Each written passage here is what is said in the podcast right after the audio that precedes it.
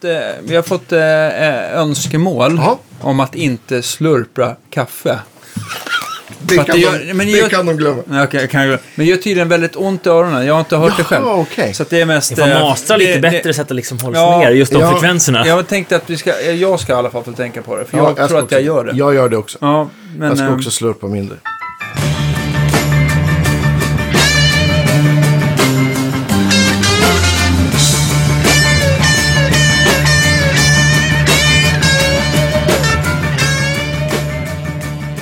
Ja, men jag, jag, jag, jag, sparkar igång oss helt Ja, enkelt. men gör det. Med, till årets eh, första inspelning av podden. Decenniets första. Decenniets första inspelning. Fan, sån sak. Ja, men, eh, men eh, decen- decenniets andra avsnitt. Får man säga. Ja, det får man väl ändå säga. Ja. Ja. Så att, eh, välkommen hit. Från Nashville, mina damer och herrar, har vi David Henriksson. Hey! Tack, tack. Nu ska vi se om jag ska... Eh, först kollar vi det här till att börja med. Tror ni att... Det Sätt- jättekonstigt Ja, att ha båda de det här känns... kuddarna. Okej, men Nej, sätt- strunta sätt i hur det. du Ta- vill. Jag tror det känns jättekonstigt. Kommer. Vilket bra intro på rekommendation avsnittet. att ta. Det här blir bra. Välkommen. Tack. Hur känns, Mycket det, trevligt. hur känns det att vara tillbaka i Svedala? Jo, det, jag har ju varit tillbaka sedan förra året, för sen förra årtiondet. Ja, redan. exakt. I tre, jag har faktiskt varit i Sverige och Finland i tre veckor. Mm. Eller fram och tillbaka lite Mm. emellan. Just det, din tjej är från Finland. så- Precis. Ja, därav Finland. Var bor hon någonstans? eller? Hon bor i Åbo. Åbo, just det. Så, um, ja, det är längsta trippen hem sen jag Mm. flyttade över. Ja. Vi hade för er som inte kommer ihåg så gjorde vi ett avsnitt precis innan David skulle flytta till Nashville. För två och ett halvt år sedan drygt. Ja, ganska var, kommer du ihåg när det var? Jag flyttade 6 juli Mm. 2017 och avsnittet tror jag släpptes, Där någonstans. ja, ett, Där någonstans. en vecka eller Ja. något sånt liksom, så här, slutet på juni typ. Tror jag. Drygt två och ett halvt Ja, år sedan. Då. Ja. precis. Och nu ska vi prata lite grann om hur det har varit. Och alla som, som följer dig på Facebook har ju sett att det, det händer ju ganska mycket ganska fort. Och du har gjort en jävla massa grejer. Det är skitcoolt. Ja, Ja, det... Jag visste ju att det fanns möjligheter där borta, men jag trodde Ja. inte att det skulle ramla över så mycket men på en gång. ganska fort innan du liksom fick första, första liksom arbetet kan man säga. Så. Ja, ja, herregud. Eh, det var... Hur gick du tillväga liksom? Alltså jag hade ju varit där och hälsat, det snackade vi om i förra podden, att jag hade varit och hälsat på två gånger och knutit rätt bra kontakter och, ehm, och sett till att hålla, Kontakt. för någon. hålla kontakten med de här personerna liksom, under, även fast det tog liksom nästan två år att få ett visum. Så, ehm, och sen hojtade jag ju verkligen till ordentligt. Sen, nu har jag fått visumet, nu är jag på väg tillbaka. Jag kommer flytta Ja. om liksom, ett par månader. Så håll ögon och öron öppna om det är någonting som liksom, om ni behöver vick på ett gig eller om ni hör någonting så liksom, Ja, jag, jag behöver ta allt som kommer i min riktning till att börja med. Liksom. Ja. Och sen hade jag ju faktiskt för John Olsson från Olsson Amps var ju, eh, skulle för första gången till NAM, alltså Just Summer det. NAM som är i Nashville, som var typ bara en vecka efter att jag flyttade dit. Och då hade vi kommit överens- om att jag skulle sitta lite i hans monter och lira för att liksom, det kan vara ett bra sätt att knyta lite kontakter där i början. Synas. Ja, precis, men det, det hade dykt in, eh, jag fick tacka nej till det eftersom det dök in en turné eh, första veckan. Liksom. Spelar jag dels ett lokalt gig med ett band eh, i Nashville, men sen spelar jag också i både Alabama, Mississippi och Georgia första veckan. Och då eh, spelar jag med en countrysångerska som heter Farron Rachel, så vi spelar förband till Dwight Yoakam som har sålt 25 miljoner plattor liksom, och Ja, varit superkändis sedan 80-talet. Så det, Så det var, det var liksom ett par hundra pers på spelningarna. Alltså det var inte lika stora publiker som han har spelat för genom åren tror jag. Men det, Nej, jag skojar. Men, men det jag, var ju tänkte, liksom jag ändå tänkte så här- att det var så här arenastort. Om man Nej, så- det, så- det var det inte, men han har Nej, gjort det förr genom åren. Nu Okej, var det ju okej. typ så här... eh, Teatrar kanske. Ja, precis. Liksom. Ja, men mycket Eh, folk. Ja, mycket folk, Slutsålt. absolut. Mm. Ja, det var en eh, mycket trevlig start. Ja, Men sen fick du ju ganska fort giget med, med Tracy också va? Ja, precis. Det var ju... Alltså dels så trillar det in gigs däremellan med liksom antingen en vecka eller ett par dagar eller ibland ett par timmars förbehåll. Ja. Liksom, kan du komma ner och lira liksom så här, antingen... Jag, gjorde, jag har inte gjort så mycket gigs där nere på Broadway som det kallas, Ja, turistgatan, liksom, det är en massa coverband som spelar. Men efter typ tre veckor så fick jag ett sms av en snubbe som jag vid det tillfället bara hade träffat en gång, en engelsman som också bor Okej. ehm, i Nashville sen, sen han var typ, jag tror han flyttade över när han var 19 bast och fick arbetsvisum första gången sponsrat av Brent Mason. Så det var Okej. en rätt bra kontakt för honom att ha Ja, ja, också. visst. Sjukt bra gitarrist alltså. Saul Philcox heter han. Eh, och han eh, smsar mig liksom. Tjena, eh, vill göra audition för Tracy Lawrence. Jaha, okej. jag Var det så- hans gig då eller? Nej, det var det inte, men han hade blivit kontaktad av den dåvarande gitarristen och, Okej. som frågade om han var intresserad. Ehm, och jag sa, "Ja, vem är det liksom? Ja, googla hans namn liksom. Eh, han hade typ så här 20 nummer ett Ja. singlar liksom så här, och sålt miljoner plattor liksom. 14 miljoner så har han sålt. Mm. Eh, så jag kollade upp honom lite lätt och sa ja, det är klart som fan att jag är intresserad av att göra audition liksom. Jag tog ju, och det där var ju såklart det som stod ut mest. Mm. Jag hade gjort små gigs liksom, men ändå varit runt och rest i flera delstater under de första veckorna. Men hur liksom. kommer det sig att det är så snabba, snabba puckar? Är det för att det är sån ruljans på gig? Eller att folk sätter vick för att de får bättre gig? Eller? Jag tror en kombination av allt det där. Ja. I det här fallet så var det ju ganska ovanligt att en snubbe som hade spelat med Tracy valde att hoppa av liksom i augusti. Typ. Jag tror att de flesta kanske kör Fram året jul. ut. Ja, men Ja. precis. Kör året ut, eller turnésäsongen Ja, ut. Liksom. Så det var ju lite ovanligt tror jag, men han hade spelat med honom så pass länge så jag tror att han var lite så här mätt. Det hade dykt upp andra möjligheter som var liksom mer lockande. Och då var ju kanske många andra som i annat fall skulle ha varit intresserade av att göra auditions, de var kanske uppbundna liksom en turné. Ja, de var Säsong, redan på ett liksom. Ja, men liksom. precis. Ja, exakt. Eh, Ja, vilket så, flyt. Det var ju... Ja, precis. Och sen hade ju eh, min kompis Saul som rekommenderade mig till det här, han, ehm, han hade också fått något så här bra, ganska stort artistgig precis när han flyttade över när han var 19. Och han sa att om man får en bra start, då, liksom, då kan det leda till så sjukt mycket grejer jämfört med om man måste liksom hassla runt på och spela covers på Broadway. Liksom. Så han sa att är det någon som jag ska rekommendera så borde det vara du, för att du har precis kommit hit. Liksom. Han vet ju hur svårt det är att få visum. Ja, visst. liksom. så det var bra att, det var överlag bra grej och, och i början att dra den storyn om hur långt det hade tagit att få visum. Liksom. Folk var väldigt så här, typ, men shit, Bjussiga, om du liksom. inte gav upp under den här tiden, då vill du verkligen Ja, här. ja, visst. Japp, så är det liksom. Eh, så efter ytterligare några veckor, jag har varit i stan sex veckor, så gjorde jag audition. Det var jag och tror jag, sex gitarrister till. Och jag hade ju liksom ingen tanke på att jag skulle få gigget egentligen. Jag var mer intresserad av att lära mig så mycket som möjligt om själva auditionprocessen. Det var ju det som jag kände att jag kunde vinna på det. Hur gick det till? Hur de mycket- skickade ut fem låtar. Eh, varav fyra var liksom live-inspelningar av hans, några av hans största hits. Och en var en osläppt ny låt. Liksom. Mm. Med lite rockigare stil. Någon var liksom nästan lite så western swing med Just det. där jag verkligen satt och plankade. Jag plankade alla de här grejerna så jäkla detaljerat jag någonsin kunde. Liksom. Jag Ja. tror, och vissa av dem är inte ens särskilt svåra. Liksom. Jag tänkte jag ska få in alla nyanser liksom, i... Eh, och sen kan man ju visa i efterhand liksom, att man kan spela lite fritt över det här. Men jag tänkte om jag verkligen visar att jag har plankat det här Mm. i detalj så, så visar det någonting i alla fall. Mm. Liksom. Och de, de sa det i efterhand, det var många andra som spelade bra, men de var liksom lite slappa och kom dit liksom med, med låttexter eller låtskisser. Och jag hade inget sånt med mig, utan bara liksom spela allt. Hade Jag hade, jag hade memorerat allting, det var ju bara fem Ja, låtar. Jag men tyckte fan, det är inget... självklart om man ska göra en sån Ja, men jag tänkte, vill jag jag, ska vilja visa att jag vill ha gigget så det kan inte komma dit med fuskpapper. Nej. Liksom. Det kändes... Hur, hur mycket tid fick du lägga på de här fem låtarna? Alltså jag hade ju, jag plankade gig till andra gigs parallellt med det här också. Ja. Så det är svårt att säga, men mycket, mycket mer än vad jag brukar lägga på att lära mig fem låtar. Liksom. Just för att det liksom, inte för att materialet nödvändigtvis var svårare, men för att jag kände att ska jag visa någon gång att jag kan lära mig en låt i detalj så ska det fan vara nu.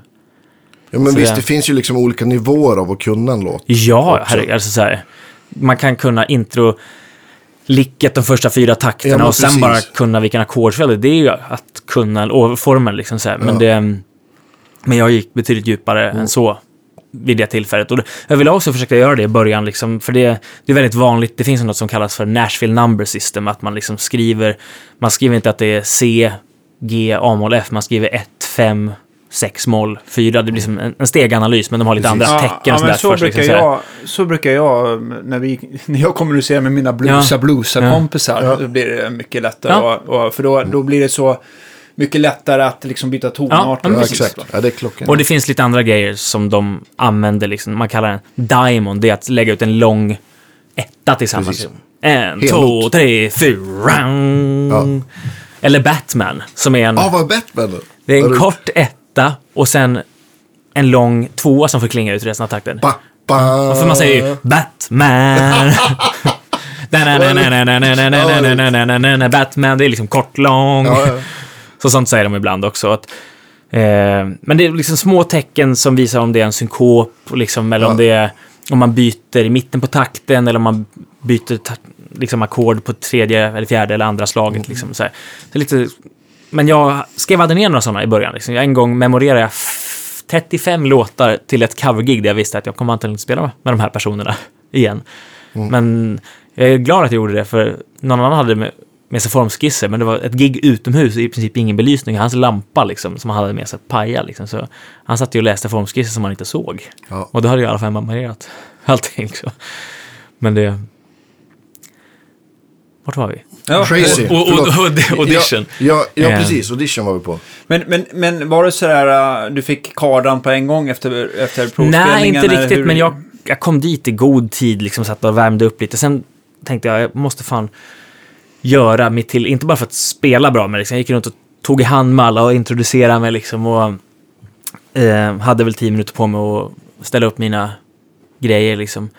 Eh, och det kändes som att det gick väldigt bra liksom. Nervös typ första låten, men sen släppte det liksom. Eh, och eh, turnéledaren snackade lite med mig efteråt, liksom, när jag var på väg och när jag väntade på en Uber. Mm. Han sa, du är jävligt bra ifrån dig, du har nog väldigt goda chanser. Och sen senare på kvällen så fick jag ett sms av kapellmästaren. Liksom. Bra jobbat idag, giget är ditt om du vill ha det. Ring Ja. mig när du kan. Liksom. Ja. Men då hade jag andra grejer på G också, så jag var inte helt säker i början på att jag skulle ta det. Liksom. Okej. Jag tänkte, jag vill inte bli... upp- Jag kommer inte hit för att nödvändigtvis spela med en artist. Jag vill göra lite olika frilansar runt. Liksom. men men visst. tänkte jag, Men, men var det också att, att Tracys musik inte liksom passar dig till 100% Ja, det var inte det, alltså... Nej, men det är klart, jag har inte hört talas om honom innan, det är inte den typen Nej, av men hade som jag tycker väl- om mest. Liksom, så Men här. så kanske det hade varit med de flesta artisterna du hade fått jobb med. Men jag tänkte på, var det också en sån här... Man kan ändå känna om man får en, backa en stor artist så kan man ju känna att det här liksom... Man ska ut på turné och tycka att det är kul att Ja. spela låtarna också. Var det, var det det som gjorde att du en... Ja, jag, jag tvekar lite av olika eller? anledningar. För att Ja. jag hade, lite, hade varit på skivbolagsmöte i precis samma sväng. Eller suttit med Dave Cobb, som jag vet Mm. att Andreas vet mycket väl. Det är otroligt bra producent som har klarat Den mycket bästa bra. i världen. Ja, men jag. så, gjort så otroligt mycket bra plattor Ja. liksom. Ehm, han... ehm, eller det var nog veckan efter som jag drog på ett skivbolagsmöte med honom, med, med den sångerskan som jag var ute på turné med första Ja, veckan. Liksom.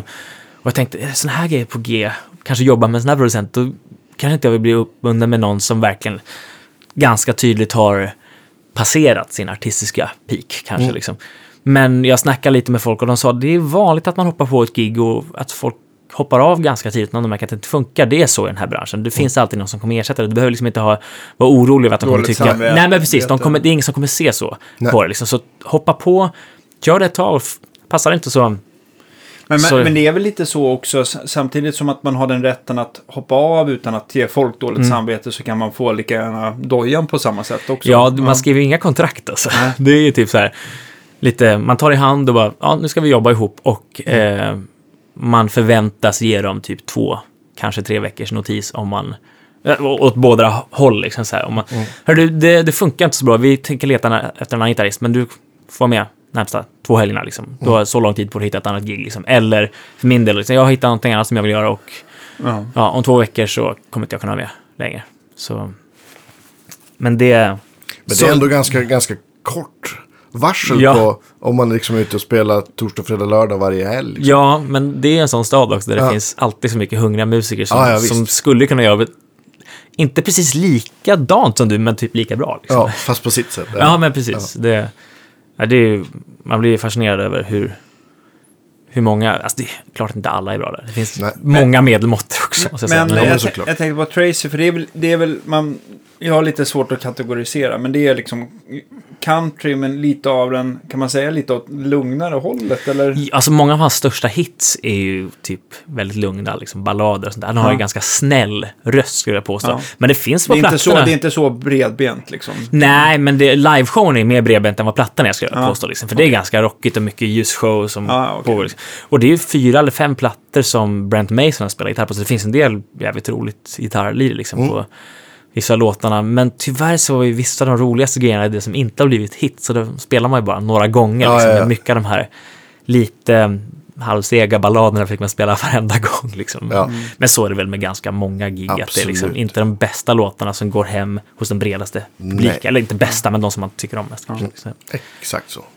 Är det väl med mycket. Ja, Men, men sen då du fick gigget, hur lång tid var det innan du skulle börja då? Var det var ett par veckor eller?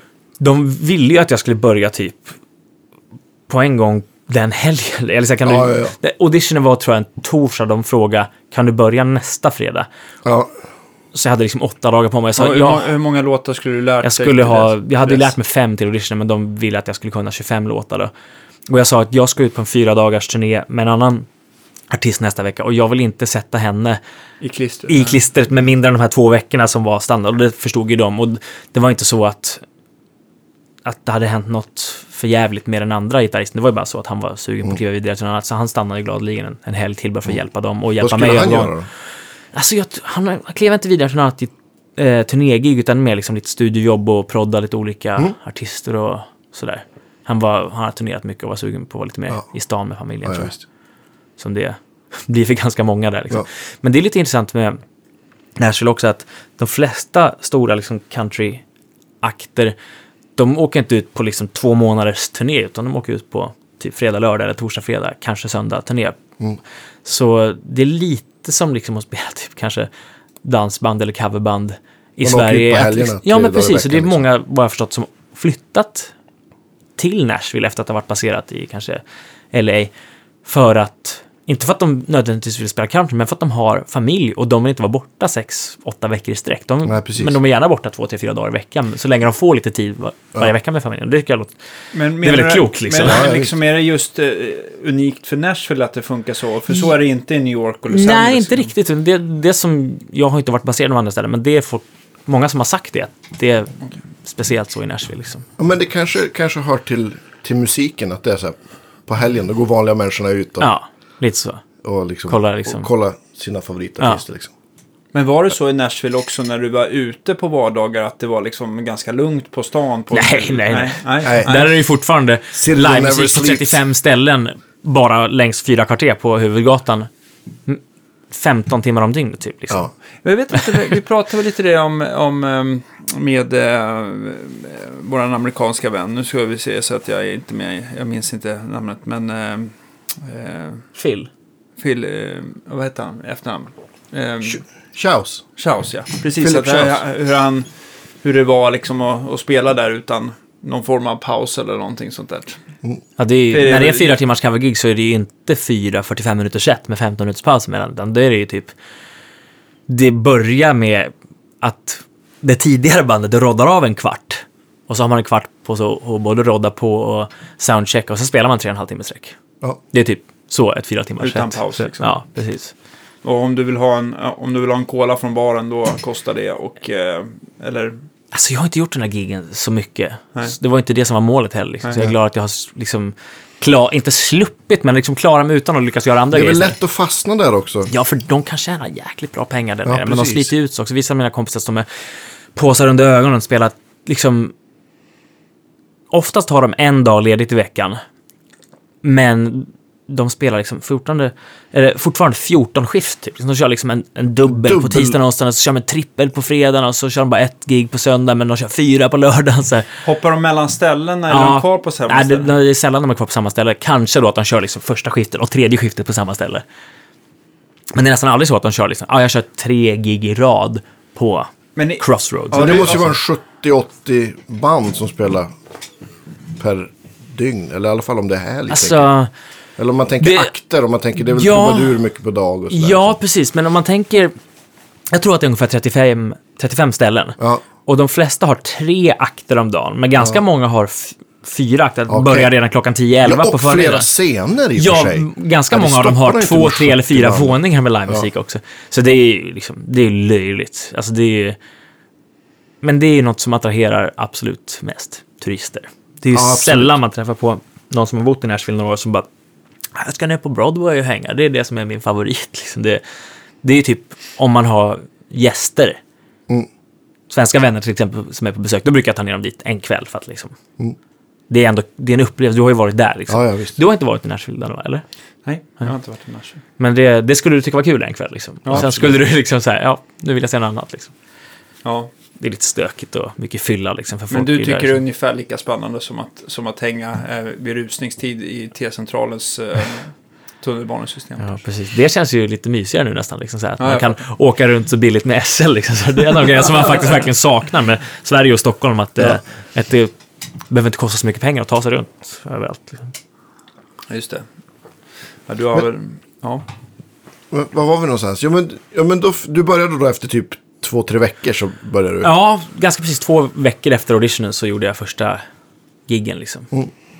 Och då, ja, då skulle jag ha lärt mig 20 låtar till liksom. Och då var jag ju på turné fyra dagar i veckan igen, så det var inte jättemycket tid att planka. Men då gav jag mig själv liksom... Jag insåg att jag kan inte lära mig alla de här ton för ton som jag gjorde för, Nej. inför audition liksom. Men man lärde sig liksom de viktiga delarna, intron och Mm. outron och så. Men inte liksom alla licks emellan sångfraserna liksom. Det Nej. fanns ingen anledning Men det att... kanske inte, inte behövs eller att, att han kräver det heller. Nej, nej. Och framförallt inte till första giget. Liksom. Men, Nej, de, men precis. men jag hade liksom inte ens skrivit ner tonarter. Liksom. De bara gav mig en låtlista och ja, jag spelade dem som jag hade övat in dem liksom, så här, och de Ja. var supernöjda. Och, liksom, Jag tror att många har åtminstone haft liksom, tonart, men, jag brukar inte ha så svårt att memorera. Så att Mm. jag, jag ser låten i den tonart som jag brukar spela i. Liksom, så här, så det, det är en bra minnesgrej. Ja, ja, visst. att ha som musiker. Men, men jag tänkte på... Eh, jag tänkte på, hur är det, gi- gillar sådana där artister ju, ju närmare du har plankat eller gillar de när man ändå lägger sin egen krydda och, och liksom spelar lite runt? Förstår du vad jag menar? Att man är lite friare? Ja, alltså jag tror att vissa artister, det, det är säkert olika, men vissa vill nog att man spelar precis likadant som plattan varje kväll. Och vissa tycker att det är lite kul. Och han tyckte för det mesta, i alla fall på många låtar, att det var kul att vi gjorde lite annorlunda grejer, liksom, så länge kärnan var densamma. Liksom. Ja, men precis. Ganska, efter ganska precis ett år när jag hade spelat med honom, så sa han någon kväll liksom så här, fan vad kul att höra att du har liksom hittat ett sätt att spela traditionell country som det ändå är på många sätt liksom. Ännu bättre än vad du gjorde när du började giget, men du har också liksom lyckats addera mer av din egen musikaliska identitet. Och det är väl kanske det som var målet, liksom, men att han verkligen hörde Ja, hur de två grejerna hade liksom balanserats. Kändes jäkligt bra liksom. För det är inte... Jag har inte vuxit upp med traditionell country Nej, men egentligen. Liksom. Så, men man, när man fick in lite av de andra grejerna som man har lyssnat på genom åren också, liksom, och han tyckte att det var bra. Inte bara, hör du, ta bort de här blues och rock-influenserna för fan. Liksom, så, spring inte runt på scen som om du ville vara rockstjärna, liksom, så, här, utan han ville ju bara efter ett par helger, liksom, vi måste skaffa trådlöst system till dig så du kan röra mer fritt, för jag ser Ja. att du har det rörelsemönstret i dig, du kan verkligen bidra till showen. Ja, men liksom, så, så, Men det är, väl, det är väl som du sa, jag tror att det är olika på olika liksom, personer. Men om man, om man, jag höll på att säga, om man är en människa som gillar musik så gill- gillar man väl kanske att det händer något, att Ja. på något sätt en egen prägel. precis. Och Men, men vissa artister kan ju vara liksom ganska mycket control freaks. verkligen. Och bara säga, men det ska, då jag sjunger vill jag att det låter så här i Ja, mina öron. precis. Annars blir jag obekväm. ja, ja, men visst. Och det är liksom, ja. Det tror jag är ganska vanligt. Sen tror jag att vissa kanske är så lite osäkra. De bara Exakt, vill det det inte att liksom, de vill verkligen att de ska stå i centrum hela tiden. Även om du spelar solo, gå fram ett par steg men absolut inte ända fram till scenkanten. Liksom, så, så var inte han. Men jag har fått för mig liksom att vissa, Mm. eller jag har hört talas om vissa som är så att med liksom, "Nej, men du, du är en sideman, du är Mm, inte plats." co-frontman. Du, liksom, du ska inte ta för mycket plats, du ska Ja. spela dina gitarr f- liksom kompo licks och allting, liksom, men håll det liksom på banan på något sätt. Så det var kul att hamna. Jag är glad att jag inte hamnade med någon som liksom spelar med jättemycket backing tracks och något supermodernt. Som, Ja, alltså, visst. det finns det finns ju en subgenre som kallas för bro country som jag tycker inte, det tilltalar inte mig så mycket. Det är ofta liksom så här hiphop, trumloopar liksom och supermycket tracks och alla texter handlar bara om pickup trucks och brudar i bikini och öl och dirt road och liksom Ah, jag vet inte. Om du slänger in blue jeans då har du alla, Ja, ja, alla, precis. alla Ja, förlåt, jag glömde det, texter där. Nej, men det, Summera det, det känns li, alltså, ja, Jag är glad att jag hamnade med något som var lite mer traditionellt och där vi verkligen spela ihop Ja, utan tracks. Och där det ändå på gans- ganska många låtar fanns ganska roliga gitarrprylar och planka på De originalinspelningar. andra kan i bandet då? Var det liksom... Var, det, var de äldre än dig allihopa? Ja, eller jag var den yngsta. Liksom? Tre av dem, plus Tracy, var alla födda 68. Så de var precis 20 år äldre än mig. Mm. Ehm, trummisen var väl den som kanske har gjort mest grejer och inte bara varit baserad i Nashville. Han har bland annat spelat med Backstreet Boys jättetidigt i Ja, deras vad karriär. Liksom. Ehm, och pianisten hade under några år på 90-talet spelat med Kenny Chesney som är en av de Ja, ja, absolut ja. största countrystjärnorna. Ja, liksom. Men innan hans karriär liksom blev liksom Ja. sådär så stor som det har varit på senaste 15 åren kanske. Och eh, ja, men lite bland folk. Basisten eh, var bara nio år äldre och han följde med mig liksom, när jag bytte gig efter ett och ett halvt år ungefär. Liksom. Ja, då hoppar han också. Så ja, precis. Vi är båda sugna på lite annat liksom. Mm. Ja, men du kommer ihåg vi, vi chattade du och jag på, på Facebook och du sa ja men fasen jag, jag måste göra någonting annat än att spela på samma ställen ett varv till bara. Ja, men det kändes ganska precis efter ett år. De har ju sin rutt som de kör. Liksom. Mm. Honk... Alltså, det som var roligt det var att det var ganska många olika typer av ställen. Det fanns liksom honky tonk-klubbar där folk i princip står och stampar eller dansar line dance medan man spelar. Mm. Det var liksom verkligen sittande publik på de här teaterscenerna. Mm. Det var... Grand Ole Opry och... Ja, men de, liksom Grand Ole Opry och Ryman som verkligen ikoniska Ja, verkligen. scener liksom. Eh, som var helt fantastiskt liksom att få göra de grejerna. Det var en del sådana här county fairs som det kallas. Eller state fairs som är typ så här. Det är skitstort i USA. Ja, och det är liksom, då är man ute i någon, utanför någon småstad och det är liksom, det finns ofta lite tivoli, liksom, tivoli och det finns liksom hästar som. Ja, men, ja, men det är så här, jävligt lantigt liksom, men, men trevligt på ett sätt liksom. Mm. Och det kommer ofta mycket damm på pedalbordet. Liksom, här. Men så var det också en del otroligt stora festivaler som vi liksom spelade inför 30 000 pers vid flera tillfällen förra Ja. sommaren. Liksom. Eh, eller ja, det blir förra, förra sommaren i princip. Men... Eh, så det var ju skönt att det inte bara var en... Musikaliskt så var det liksom... Det var mer eller mindre samma låtar under ett och ett halvt år, men... Men hyfsat bra spridning ändå på vilka olika typer av countrystilar det var, men också bra spridning på ställen. Men det, det var ändå efter ett år så känner man, nu är vi tillbaka. Nu, nu är det samma Honky Tonk Club i Mm, Louisiana här. Nu är det samma konserthus i... Så om du hade sett liksom det bara som ett jobb så hade det varit ett kanonjobb att ha och vara kvar i. Liksom. Ja, och hade jag haft ett visum som sträckte sig lite längre så kanske jag inte hade... Liksom, var då så kanske, stressat. nej, då liksom. kanske jag hade tänkt att jag är kvar ett eller två år till liksom, och tjänar lite mer pengar. Liksom. Mm. Eh, men jag börjar känna liksom, att skulle det vara så att jag inte får till visum så skulle jag vilja prova på något annat också. Liksom. Det här kom upp så tidigt och det har gett mig så mycket för liksom, både kontakter och CV liksom, och allt Ja, ja, möjligt. Eh, men jag tänkte att jag vill inte bli liksom lat. Jag vet hur det är att bli lite lat när giggen bara trillar in. Liksom. Och det, jag kände att nu måste Inte jag... därför du var där. Nej, precis. Ehm, Eller är där. precis. Nu är jag ju här med er. Ja, nu är du här med Det oss. är Ja, trevligt också. Ja. Tack. Men, men eh, då måste du berätta för, för de som inte vet varför du, vad som var liksom huvudanledningen kanske till att du hoppade av. Ja, det var ju, alltså det där var ju liksom det, liksom, många anledningar. Ja. Liksom att jag har gjort det här nu, liksom, det kommer inte, jag tror inte att mitt CV kommer bli så mycket bred, eller så här bättre av att spela på samma ställen med honom igen. Liksom. Jag fick också ett erbjudande av en, eh, en vän som jag lärde känna första gången jag var i Nashville hösten 2014. Och vi hade liksom dels haft väldigt mycket kontakt under den tiden som jag var hemma i Sverige. Men det är också en av mina bästa vänner där borta som jag har hängt väldigt mycket med. Och han eh, har liksom både liksom lett sitt eget band för en morgon, jobbat som liksom merchandise manager åt olika band och varit turnéledare, också jobbat som sideman till lite olika artister, men nu för ett par år sedan startat sin solokarriär liksom.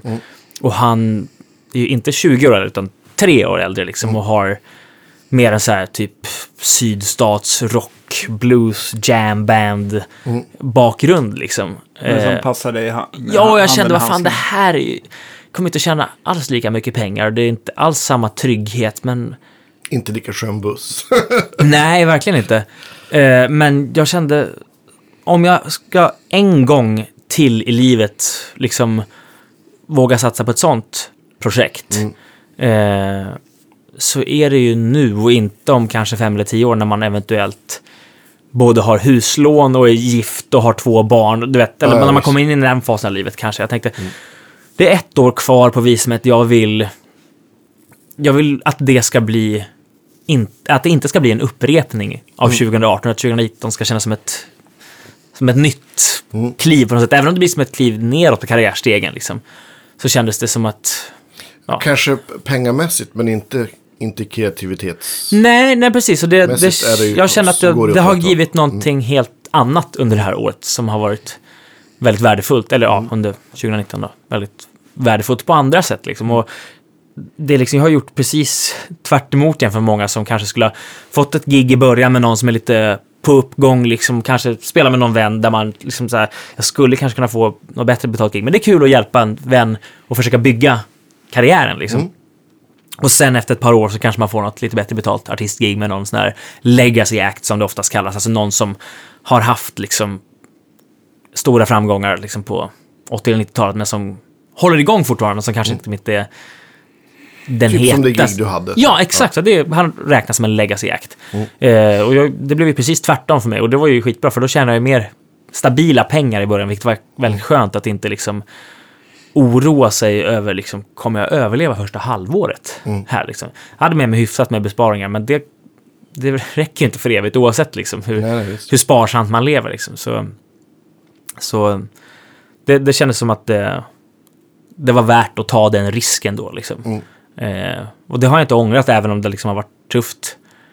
Både liksom med mindre pengar och ibland inte lika mycket garanterade gigs liksom. Och, men det, hela, hela den där grejen att flytta över var ju ett risktagande och jag tänkte Mm. fan jag måste ta en, en till risk under den här perioden. För det, annars skulle det inte ha varit några risker alls under Ja, det men året känns som. Det hade varit lite för safe liksom. Men du håller på med ett, ett nytt visum nu. Eller, hur länge räcker det visum du har nu? Det är till, fram till sommaren då, eller? Nej, det, Det räcker slut. till 10 februari. Så det är Ah, Okej, ja, det är väldigt snart. en månad och åtta dagar till. Så det Ja. är lite stressande. Ehm, ehm, vi skickar in ny ansökan. Jag har jobbat under hela hösten med en advokat. Eh, för att sätta ihop liksom nytt material. Vi har använt lite tror jag som vi använde förra gången. Men det är en annan advokat som jag anlitat den här gången. Och det är ju... Man skulle kunna tro att det är ju lättare att få, få igenom andra gången när man har liksom varit där ett par år, liksom betalat skatt och har ett betydligt bättre CV liksom, för att man har gjort de här grejerna. Men hon har sagt att det, alltså, det ser väldigt bra ut. Du har goda chanser, men det finns inga garantier för Trump liksom håller på att tajta till de där reglerna precis hela tiden. Så det... Och jag har hört kompisar, bland annat du, han du som... är som en svensk mexikan. Nej, Ja, exakt. Svex, svexikan. svexikan. Nej, men det, det är skitjobbigt att inte veta. Ja, Eh, shit. samtidigt så har man ju inte flyttat hit från någon del av världen där det är liksom... Där man är förföljd på grund av sin Nej, religion precis. eller man har flyttat från krig. Liksom. Så det, skulle jag behöva flytta tillbaka så är det ju så. Liksom. Ja. Då har jag ändå fått några väldigt bra år där borta. Liksom. Ja, så ja, jag är inte liksom... Jag är inte jätteorolig liksom. Men, Men- det, men Jag tror om- att du om- kommer få det. Det vi- tror jag också, men det... Kan, kan du inte berätta några av de, man ska ju ha så här brev med så här rekommendationsbrev. Nej, jag kan inte nämna Du får det. inte. Jo, jo, jag Jag tycker det är så jävla coolt. Ja, nej, men det, man ska ju ha eh, liksom alla typer av tidningsartiklar och Ja. alla grejer som liksom kan bevisa att man har gjort någonting och varit aktiv. Liksom. Men också eh, rekommendationsbrev av liksom, branschfolk på något sätt. Eh, och senast så hjälpte ju både John Olsson till och Johan eh, från Lundgren Pickups och eh, Sebbe Göran Nylund från Disco Ja. to Eleven och, och ett gäng. Göran Elmqvist var på tal, men de, de valde några andra. Liksom, så här. Ja.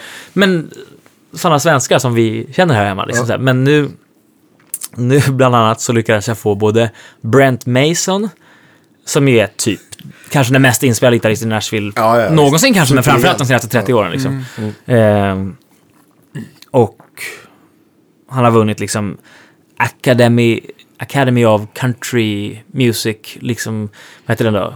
Guitarist of the Year Award, 12 gånger eller där, liksom. så. Eh, Och sen även Vince Gill, som ju både är liksom fantastisk gitarrist men nästan ännu bättre sångare och låtskrivare. Liksom. Country-superstjärna för, Ja, för de som inte vet. Ja, ehm, och har liksom vunnit 22 Grammys, bara det är ju helt sjukt. Han är Eh. verkligen super, superstjärna. Ja. Men så otroligt ödmjuk snubbe som, Mm. det som du nämnde Danne, Grand Ole Opry, när jag spelade en av de första gångerna, det var ju så sjukt också. Där fick jag spela mindre än tre månader efter att jag flyttade dit och det är ett sånt ställe. Grand Ole Opry har funnits på några olika eh, konserthus, eller man ska säga, konsertlokaler. Men eh, det är framförallt en radioshow som har pågått typ 88 på veckobasis. År, 87 sen sen eller vad? 20-talet, Ja, sen liksom precis. 1925, och sen, sen nästan 100 Ja. år. Liksom. Eh, och jag tror att det är den längst, alltså mest, eh, den som har hållit igång mest consecutively, vad säger man ens? Liksom Ja, men så här, precis. konsekvent, liksom, så jag kan inte ens prata svenska. Ja, vad heter det? Nej, jag hittar Men att den har på- hållit igång liksom, utan avbrott egentligen. Liksom, så här, Ja, åtminstone lite som. Guitar Gigs podcast. Ja, precis. Ja, men det- vi är ju där varje torsdag för Ja, det. ja. Ja, Underbart. Alltså. 85 år kvar bara. Precis. ja, ja men det Nej, fixar men vi. det, och där har ju liksom alla, liksom både dåtida och not- Men nutida konsekvent är väl Liksom. ändå det bästa ordet. Ja, Ja, Ja. jag tycker att det funkar. Precis. Ibland gör man det, Det svårare borde ju för sig. folk förstå. Ja, Precis. ja. Förlåt. Nej, men jag Ja. fick spela liksom på Grand Ole Opry House som den, den mest nu, den nuvarande liksom, stället heter.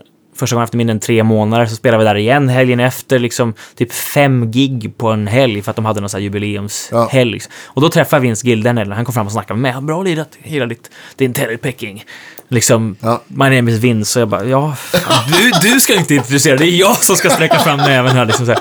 Min tjej som var där och hälsade på första gången, hon har sagt hon har aldrig sett mig så starstruck när, jag, när han liksom sträcker fram handen och liksom säger bra spelat och jag Ja, fortfarande bär på mina prylar. Var tvungen att plocka ur öronpropparna, det blir liksom tyst ett par sekunder. Hon bara petar på mig, liksom, du får ju säga någonting. Hon hade ju sett att jag ville snacka med honom hela den helgen. Ja, typ, såklart. Så han signade på ett brev och jag åkte hem till hans hemstudio. Som är i hans stora feta villa liksom. Eh, och vi satt och hängde en stund och snackade lite och signade på brev liksom. Det var helt sjukt också. fan vad coolt. Och sen... Eh, ja, men liksom de här artist relations från både Diadario och LR Bags. Mm. Och de är ju liksom typ ledande inom det de gör också. Så det kommer säkert tillsammans väga väldigt tungt. Men det är som sagt inga Men det är garantier. just liksom, den här. här att alltså, Trump har gjort det liksom stramat åt från på alla sätt. Liksom, Ja, alla. men det är typ så. Jag, han som jag nämnde, som rekommenderade mig till Tracy Gigget, han har ju liksom bott i USA i tio år, men senast han sökte visum så fick han bara ett år beviljat av de tre som han ansökte om. Och jag har hört samma sak om en annan svensk polare, eller en, förlåt, en spansk polare som är på samma typ av visum som jag är. Ehm, att han bara fick ett av tre år. Och så kan det godkänt, bli liksom, för dig så. också. Ja, Jag- så skulle det kunna anta- Det kunde bli... eh, Jaha, okej. Ett eller två eller tre liksom så här. Men, och de kräver ju, förutom alla de här grejerna, att man ska ha en itinerary, alltså en, ett schema eller liksom en turnékalender eller någonting. Ja. Liksom så här, för tre år framöver om man söker om tre år. Men vilken musiker har Det är ju ingen som har det. Nej, det- Inte ens de har, äh, kanske dansbanden här hemma. Ja. Så de har två år kanske. Men kan man också... Kan man... Eh, med den artisten som du spelar med, för då, eh, kan, skulle man kunna göra, inte en fejkad, men, Ja, en, men alltså, det, de vet ju att det är lite så, att man skickar Ja. in något som är, det här är troligt att det skulle kunna bli så, att det blir mest turnéer under sommaren, sen kommer jag jobba på lite inspelningar under våren och att det är lite löst liksom. Men vad fan, det vore ju mer logiskt att de ber om, om ett år eller Ja, så här. men exakt. Det känns som en, en krock mellan världar. Ja, men precis. En byråkratisk värld och så Ja. en, en ytterst, ytterst ombytlig Ja. värld som det är att jobba med musik. Liksom. Exakt så. Och det, det fattar de inte riktigt. Och Nej. sen, jag har en annan svensk kompis som ansökte om samma typ av visum. Som hade liksom sponsorbrev från folk på liksom, eh, liksom internationella Sony Music-kontoret. Och liksom, Han har liksom haft så många miljoner streams på sina låtar. Både som låtskrivare och, eh, och artist på Spotify. Men den som liksom tog emot hans ansökan var någon, liksom, någon gammal modig person.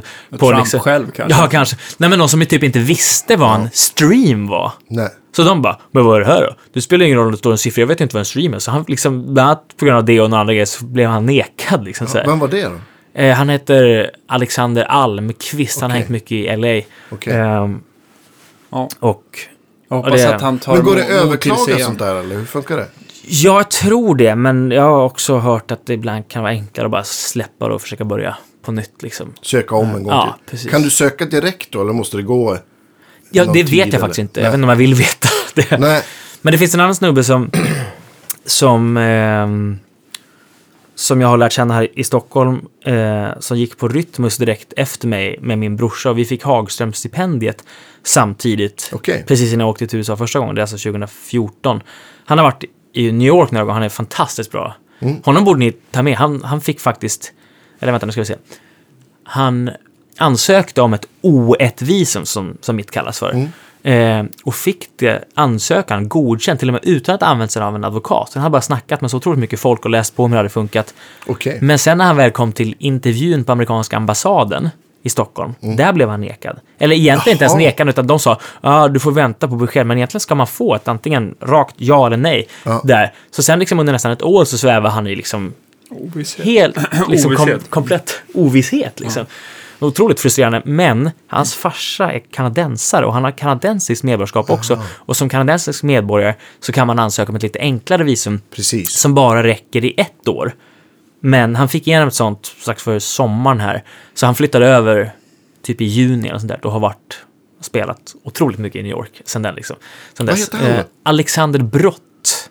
Och han är också en sån som, alltså under de senaste två åren känns som att han har liksom skapat en jazzscen i Stockholm nästan själv. Det finns ju inte jättemånga uttalade jazzklubbar, men han har spelat mycket på så här hotellbrunch, liksom så här Mm. mellan klockan 11 och klockan 2 någonstans och liksom ofta spelat tre, fyra, fem, sex gig i veckan bara Mm. runt om i Stockholm och spelat så här jazzstandards på trio typ. Ja, men det finns ju Det- ganska mycket sådana gigs här liksom. Ja, och det är liksom... En jag sån genre passar sig ju jäkligt bra Ja, i sådana, i Ja, såna miljöer Mm. också. Så här. Det är otroligt... Eh, men liksom, det är ju jäkligt trevligt att ha Ja. en bra jazz i Precis. bakgrunden till... Ja, Och de kan göra det ganska lågmält liksom. Mm. Utan Men han bor i New York. Ja, precis. Eh, Men sätt oss i kontakt så får Absolut. man rycka honom bland Mm. det här. Verkligen. ja, han är grym alltså. Jävligt, jäkligt bra. Men blir det så att man, att man blir liksom polare med andra som håller på och söker visum? Och... Ja, men det, så upplever jag verkligen att det är. Att man, liksom, man kan ju förstå varandras situation och, Ja, och lära precis. sig lite av varandra. Liksom. Ja, men såklart. Det, Eh, exakt. och hjälpa varandra med om det är någon som har anlitat någon kontakt eller någon advokat som kanske inte har varit så pålitlig liksom, Mm. så kan man få tips om andra. Liksom, så här, och vad nu är. Jag bytte advokat nu här för att jag hörde lite konstiga grejer om den som jag använde senast. Han Ja. hjälpte ju mig att fixa första visumet så jag är Ja. jättetacksam. Men det som jag hörde liksom efteråt, bara, jag tänker inte chansa på det en gång till Ah, för okej. det kändes lite för, du- för märkligt. Ja, Okej, ja, jag förstår. Ehm. Men den som jag använt nu hjälpte faktiskt både Tommy Emanuel och Keith Urban att flytta över från Australien när de skaffade sina första visum. Ja, så, så. Jaha. Ja, det kommer Det är ju gå- ännu det går längre bra. bort. Ja, Vi, vi precis. håller alla tummar. Exakt. Nej, men Ja. det, jag Nej, tror det, det är en, bra. det är en bökig process, så är Ja. det. det. Det har vi berättat om förut. Liksom. Ja. Men det är fortfarande bökigt, även fast jag har varit där ett tag. Men om jag jobbade på, jag vet inte, Migrationsverket motsvarande i USA. Mm. Och så har Vince Gill skrivit ett brev. Hörni, den här killen från Sverige, han borde vi ha. Han Mm. är jävligt bra.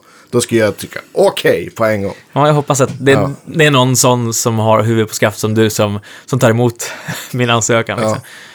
Han är ändå så pass stort namn så att även icke-countryfans Ja, men det borde är det liksom jag känna igen det på tänker. något sätt. Att det, är liksom, det är inte så här att det är någon obskyr som är jättecreddig i musikbranschen. Nej. Utan han är ju verkligen ett hushållsnamn. Ja, precis. Man får hoppas att du hittar någon som, som eh, inte ska sluta röka just den veckan som tittar på din ansökan. Exakt så. Ja, men någon som liksom så här ser framåt på 2020-talet som något som de liksom så här vill, vill bara vara ja-sägare i Ja. början. Liksom så här. Men, men det kanske man, kanske man inte, utan att jinxa något, men du, vad, vad är planen om, om du nu får, får visumet? Är det att fortsätta spela med Kyle? Och, Ja, det finns ju ingen annan grej som, eller jag fick ju några erbjudanden under förra året som både var mer välbetalt och kanske lite mer jobb, men jag kände, jag, ska jag hoppa på den här grejen så vill jag inte hoppa av efter tre månader liksom, Nej. bara för att det inte har tagit Hur fart. länge har Så du spelat med Kyle nu? Jag började i slutet på januari förra året, så det, Okej. fast jag gjorde några gig i slutet på 2018 också, men det var liksom då som det Men, men är det också så här att eftersom ni är så goda vänner, att det liksom känns lite jobbigare att eventuellt byta riktning? Eller? På ett sätt kanske, men vi sa det ganska på ett tidigt plan, flera månader innan jag började spela med honom, att vi är vänner. Vi kanske blir kollegor. Mm. Vi kommer förbli vänner.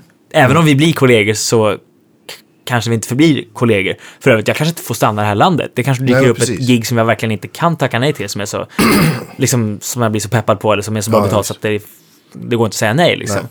Så vi var ganska överens om att det liksom, skilja på på jobb liksom, och vänskap Mm. här, det, liksom, det måste vi se till att göra. Liksom. Eh, och det, men det är lite så, för märker liksom att man ringer inte varandra lika mycket som man gjorde då. Man hänger inte lika mycket när man inte är på turné. Ja, men om ni ses Fast man, man hänger så jäkla mycket på turné ändå. Liksom, så, det är det är ganska naturligt att det blir så. Liksom, extremt så här. intensivt. Det är det. Ja. Men han, jag tycker han, han är svinbra. Jag tycker att du passar väldigt bra i, i, i hans band. Liksom, de klipp du har lagt upp och sådär. Tack. Men det verkar ju Ja. mer, mer liksom rockigt, fast Ja. med lite country och Ja. rootsig underton. Precis. Liksom. Men han är ju verkligen en, liksom, även fast han har lyssnat på all möjlig typ av musik, så han är verkligen en, en rocker på något sätt. Liksom, så här. Även fast det finns undertoner av både country och blues och sådär. Men han, eh, jag tror han började egentligen väldigt bluesigt. Liksom. Han var, eh, spelar mycket, kommer inte ihåg om det är baseball eller liksom amerikansk fotboll. Eh, seriöst, liksom ganska många år och liksom typ bröt benet och bara, nu får jag göra någonting annat. Spela gitarr då kanske. Liksom. Så två år senare så var han finalist i något som kallas för International Blues Challenge i Memphis som är en ganska stor tävling. Liksom, här. Och då hade han liksom bara, ja, tagit sig tid att liksom, nu jäklar ska jag spela gitarr och sjunga liksom. Han är bra på blues helt enkelt. Ja, det är han också. Eh, han är... Man märker liksom att han... Eh, han har... Som vissa, som jag upplever lite mer vanligt i USA, att folk har liksom lite mer, för här i Sverige är det så otroligt vanligt att folk går musikgymnasium nu för tiden och får en ganska bred grund att stå på i, Precis. ung ålder. Det är inte alls lika vanligt, de har inte ens musik high schools där borta. Det är först på universitet eller college som man kan plugga musik på så sätt liksom. Och för, Ehm. för, för mig som alltid blandar ihop det där, high school, det är upp till man är typ 15 eller? High school är ju typ gymnasienivå. Jaha, liksom. så okej, det är okej. typ liksom, jag tror de börjar när de är 15 och går till de är Exakt. 18 och sådär. Ja, och Ehm. sen så... Och sen så College är högskola. Ja, College är högskola eller universitetnivå. Liksom, så här. så det... Så det är många upplever som är jäkligt bra på att lira, men som har en ganska smalt spann ändå, liksom, med genrer som de kan behärska. Liksom, många som inte alls har koll på teori. Jag säger inte att man måste kunna svinmycket teori, men jag upplever att många av mina vänner här i Sverige har ändå hyfsad koll. Liksom, för att man har gått på gymnasiet tagit en eller två gehörs och musiklära-kurser. Liksom, Ja, så men här, typ. Eller gått till och med kommunal musikskolan eller kulturskolan för att lära sig lite. Men det är många där som kommer liksom från en bluesbakgrund nere i södern. Liksom, som, De beh- behövde ju inte nödvändigtvis det där om man spelar liksom. Blues är en av de genrer man faktiskt kan klara sig utan. Liksom med minimala teorikunskaper liksom, om man jämför med annat. Så, men han är liksom otroligt mycket övertygelse i det han sjunger när han spelar, när han känner sig bekväm med någonting. Och det upplever det är en artistgrej på något sätt Ja, också. De kan ofta en grej jävligt, jävligt bra liksom, och då satte de på det. Liksom. Eh, om man inte snackar om Vince Gill som jag har sett sitta och spela alla möjliga grejer. Liksom. Ja, ja, visst. Skitbra. Hur, hur, finns det annat som du tycker skiljer liksom eh, hur gitarrister är eller tänker där borta när det kanske kommer till grejer och sånt där? Ehm, alltså, dels är det ju... Får man ju generellt kanske spela lite starkare på scen. Där borta. Jag upplever att det... För här känns som att det är så otroligt många i Sverige som spelar... Man har en liksom 40 watts stärkare, någonting som har ett schysst headroom och så kör man det mesta med pedaler. Liksom så här. Och det är visserligen många som gör det där borta också, men det är också ganska många som kör en liksom distad, eller i alla fall liksom lite mer pushad, starkare kanske, liksom, eh, och har lite färre pedaler. Det beror ju på vilket gig man är på, hur många sound man behöver tillgång till. Men jag upplever att det är lite vanligare, Kanske Men där. även nere på liksom, turistgatan så, Ja. så, så lirar de på lite hårdare. Liksom. Ja, precis. Vissa av de ställena har så jäkla dåligt ljud. För det är så dåliga PA och folk spelar alldeles för starkt jämfört med vad de borde. liksom. eh, men det, det är också väldigt vanligt, upplever jag, med att folk faktiskt spelar liksom vintage stärkare, inte bara i studion. Liksom, så här. För jag vet att många liksom, här hemma, man kanske inte riktigt vågar lita på att dra, ta med sig en 65 Vigbro Lux. Ja, visst. Men det är många som gör det där, liksom, verkligen spelar på sina gamla, framförallt Fender-stärkare tror jag. Liksom.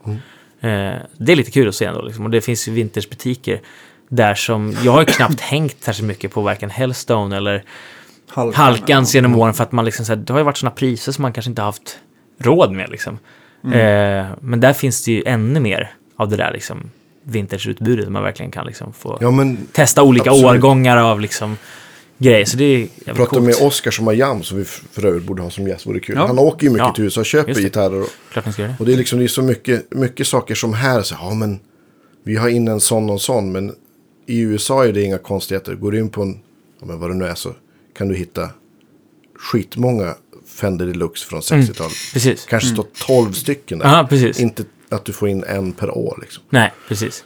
Deluxe Reverb verkar vara en favorit för, för många. Liksom. För då Ja. ja. hyfsat, hyfsat headroom fortfarande, liksom, så här, men den spricker också lite utan att det hinner bli... Liksom, Ryms i bakluckan på bilen. Ja, precis. Den hinner inte bli liksom super reverb stark Liksom, Nej. men sen så, sen så tycker man väl kanske att deluxen bryter upp lite snyggare i basregistret än, än vad sup, eh, Supern får man ju vara lite försiktig Mm. liksom, på ett annat sätt tycker jag. Eh, Twinnen, den bryter ju inte... eh, Upp särskilt breakar ju inte nej. så... Nej, men det, den bry, Om det man är inte inte så lika spelar Ted snyggt tycker jag. Nugent starkt. Ja, precis, exakt.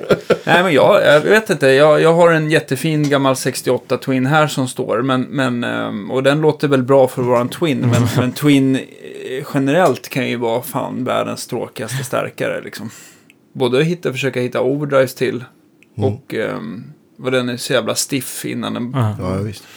Jag vet inte. Deluxen är ju lite mera... Ja, den börjar ju skutta lite snabbare. ja, men precis. Men folk är nyfikna på dina prylar, tänker jag så här. Det kommer måste... med liksom en svensk förstärkare som låter fantastisk och en massa pedaler som de kanske inte har sett. Precis. Förutom dina Eh, Strymon-pedaler liksom. Exakt, ja, men det... Nu ska vi se. Jag tror vi snackade lite i senaste podden om vad jag planerar att ta med mig. Då snackade man att jag ska ta med mig mitt lilla pedalbord liksom, och en Olsson-stärkare och min tele. Mm. Liksom. Eh, och det var i princip det jag spelade på hela första året. Och eh, då fick man ju mest reaktioner kanske på, på stärkaren liksom. För det var ju ingen, eller väldigt få åtminstone, som känner igen. Det var några i och för sig som hade träffat Olsson på mässan precis, Okej, i samband med att jag flyttade ja. dit. Liksom. Han var ju där då. Eh, men många liksom, shit, vad snygg den är med den här, jag har ju sån här western Tolex, Ja, liksom. Den sticker ut lite på så vis, liksom, men också många som tyckte att den lät jävligt bra, liksom, och, och att den var kul. De som provspelade sa, shit, vilken liksom, vilken dynamik och vilken liksom... Och Och det är någon din som- klubb 40. Ja, men precis. exakt. någon som har sagt liksom, eller flera som har sagt att oj, så här låter min gitarr. Liksom de har haft någon stärkare som är så oerhört hårt filtrerad så att det liksom är stärkan man hör mer än stärkan och gitarr, gitarren Ja, genom stärkan. Liksom så här. Så ehm, Det är det man kan tycka är, är, är tråkigt med vissa sådana här äh, digitala medel tycker jag. Det ibland så känns det fan inte som det spelar någon roll vilken gitarr du pluggar in. Nej, det låter fan precis. exakt Mm. likadant. Nu ska vi inte äh, såga Ja. någon mer än så, men... men äh, Nej, ja. men det, för det har ju folk märkt Mm. liksom, när de har testat de där grejerna. Liksom, och, men det är ju det är inte den mest lättspelade stärken. Det ska Nej. inte jag säga alls. För den är så pass ärlig, liksom, så, här, så man Mm. får ju liksom hålla sig i... Och samtidigt så tror jag att jag Ja, har man börjat... måste ju öva uppåt en 3-4 timmar om dagen om man ska kunna... Om året, per decennium. Om året, precis. Nej, men jag, eh, samtidigt som jag tror att jag har börjat dras mer mot liksom, inte så att man spelar helt, det är nästan aldrig så att jag spelar rakt in i stärkan bara, liksom, jag har nästan alltid en lätt overdrive men det är sällan som jag drar på riktigt mycket gain, liksom, utan man tycker om det här när det finns spelrum för att använda dynamik i högerhanden. Liksom, Visst där- man är över 30. vet du. Ja, men jag tror det. Det är farbror, farbror. farbrorfasoner liksom. Ja. Så här, men jag gillar det. det Ja. Precis som det ska vara. Nej, men jag tycker att det. Och det är många som har reagerat på det också. Shit vad liksom... vad mina pedaler reagerar för att de Ja. liksom inte träffar försteget i en stärk som är alldeles för, eller inte för Komprimerat. komprimerat, men mer, mer komprimerat. Liksom. Men man märker ju det också, eh, just när man provar väldigt mycket så här butikförstärkare Mm. från USA här, så upplever man ju dem på ett helt annat sätt, både spelmässigt och filtreringsmässigt. Mm. Att generellt tycker jag att de brukar ju vara väldigt mycket brightare. Alltså jag Ja, tänker men på så här, eh, Dr. Z. Mm. Säg inte att Turok har alltid va- varit så, de har ju varit lite Dr. mer... Z är ju väldigt bright. Ja, men, men, men, men eh, Men vilka de är har vi mer? mycket country pickers som Exakt. spelar Ja, igenom, men då vill de ju ha det. Liksom. Men alltså, så. jag, det verkar som att, att alltså, eh, ljudidealet för amerikaner är oftast lite brightare än vad folk, eller europeiska marknaden är. kanske det, men liksom de liksom Fender... Ja, de är Fender-skadade. Ja, men lite så liksom så här kanske. Att det ska vara lite Och det det här... säljs ingen revaxör på apoteket. Precis, exakt. Nej, usch. Det... Jag vet inte ens vad amerikansk revaxör heter. Kanske man borde... Får börja importera. Ja, precis. Eh, Men vad har, du, vad har du kört för, för pedaler till? Har du, du har du säkert bytt. men jag har vet- ju eh, ett det- ganska kompakt bord som är ungefär samma storlek som Men det ett det Peltrain Junior. Ja, det var det precis. som Göran byggde åt dig. Precis, och det har jag haft ganska många år, men jag gjorde en uppdatering av det innan jag flyttade till Nashville. Mm. Så jag får, på ett sånt som är ungefär som ett Peltrain Junior, så har jag lyckats få plats med både Strymon Timeline och Mobius och Flint, plus en Exotic SP-kompressor, stämapparat och fyra One Control-pedaler. Så det är, det är lite svårt ibland om man liksom Du, i- måste ha spetsiga skor. har lite så, de här är lite för Gå inte till platt- Dr. Martens, då blir det precis, exakt. åt gången. Eh, så ibland får man verkligen vara försiktig liksom, när man ska för framförallt, framförallt träffa någonting i mitten på bordet. Liksom, så här, soloboosten är lätt att man kommer åt. Har du satt dem på lite olika höjd? Ja, några sitter på olika höjder. Ja. Jag köpte några så här, eller fick någon lätt sponsdeal av Barefoot Buttons, som är de här det, lite ja. större switcharna. Knopparna. Liksom, De har ju dem på 11 nu. Ja. Och jag tycker att de Framförallt är- om man si- sitter hemma i strumpresterna så är det Ja, precis. Jag tycker att de är bra på ett sätt, men de har också varit lite så här, jag tycker inte att de alltid verkligen switchar pedalen, framförallt på Strymon-grejerna. Och tap-tempot tycker jag inte funkar jättebra. Men där, jag kanske bara borde liksom rengöra switchen eller någonting, men det, eh, det är något som har känts lite konstigt med de där ibland. Eh, men eftersom att jag har, jag har alltid en One Control Granite Grey Booster i mitten, för den sitter liksom så insyltad så det är svårt att få bort den, men det är också skönt att alltid ha en transparent solo-booster liksom tillgängligt. Men sen har jag bytt lite beroende på gigs för att jag har ett gäng One Control-pedaler för jag har gjort mycket demos åt dem. Och Ja. Eftersom de är samma storlek, de flesta, så är det väldigt lätt att Och byta. ström, strömjacket sitter på samma Ja, ställe. visst. och, ja. Så det är superenkelt att liksom, ah, fan, nu vill jag testa den här ett tag liksom.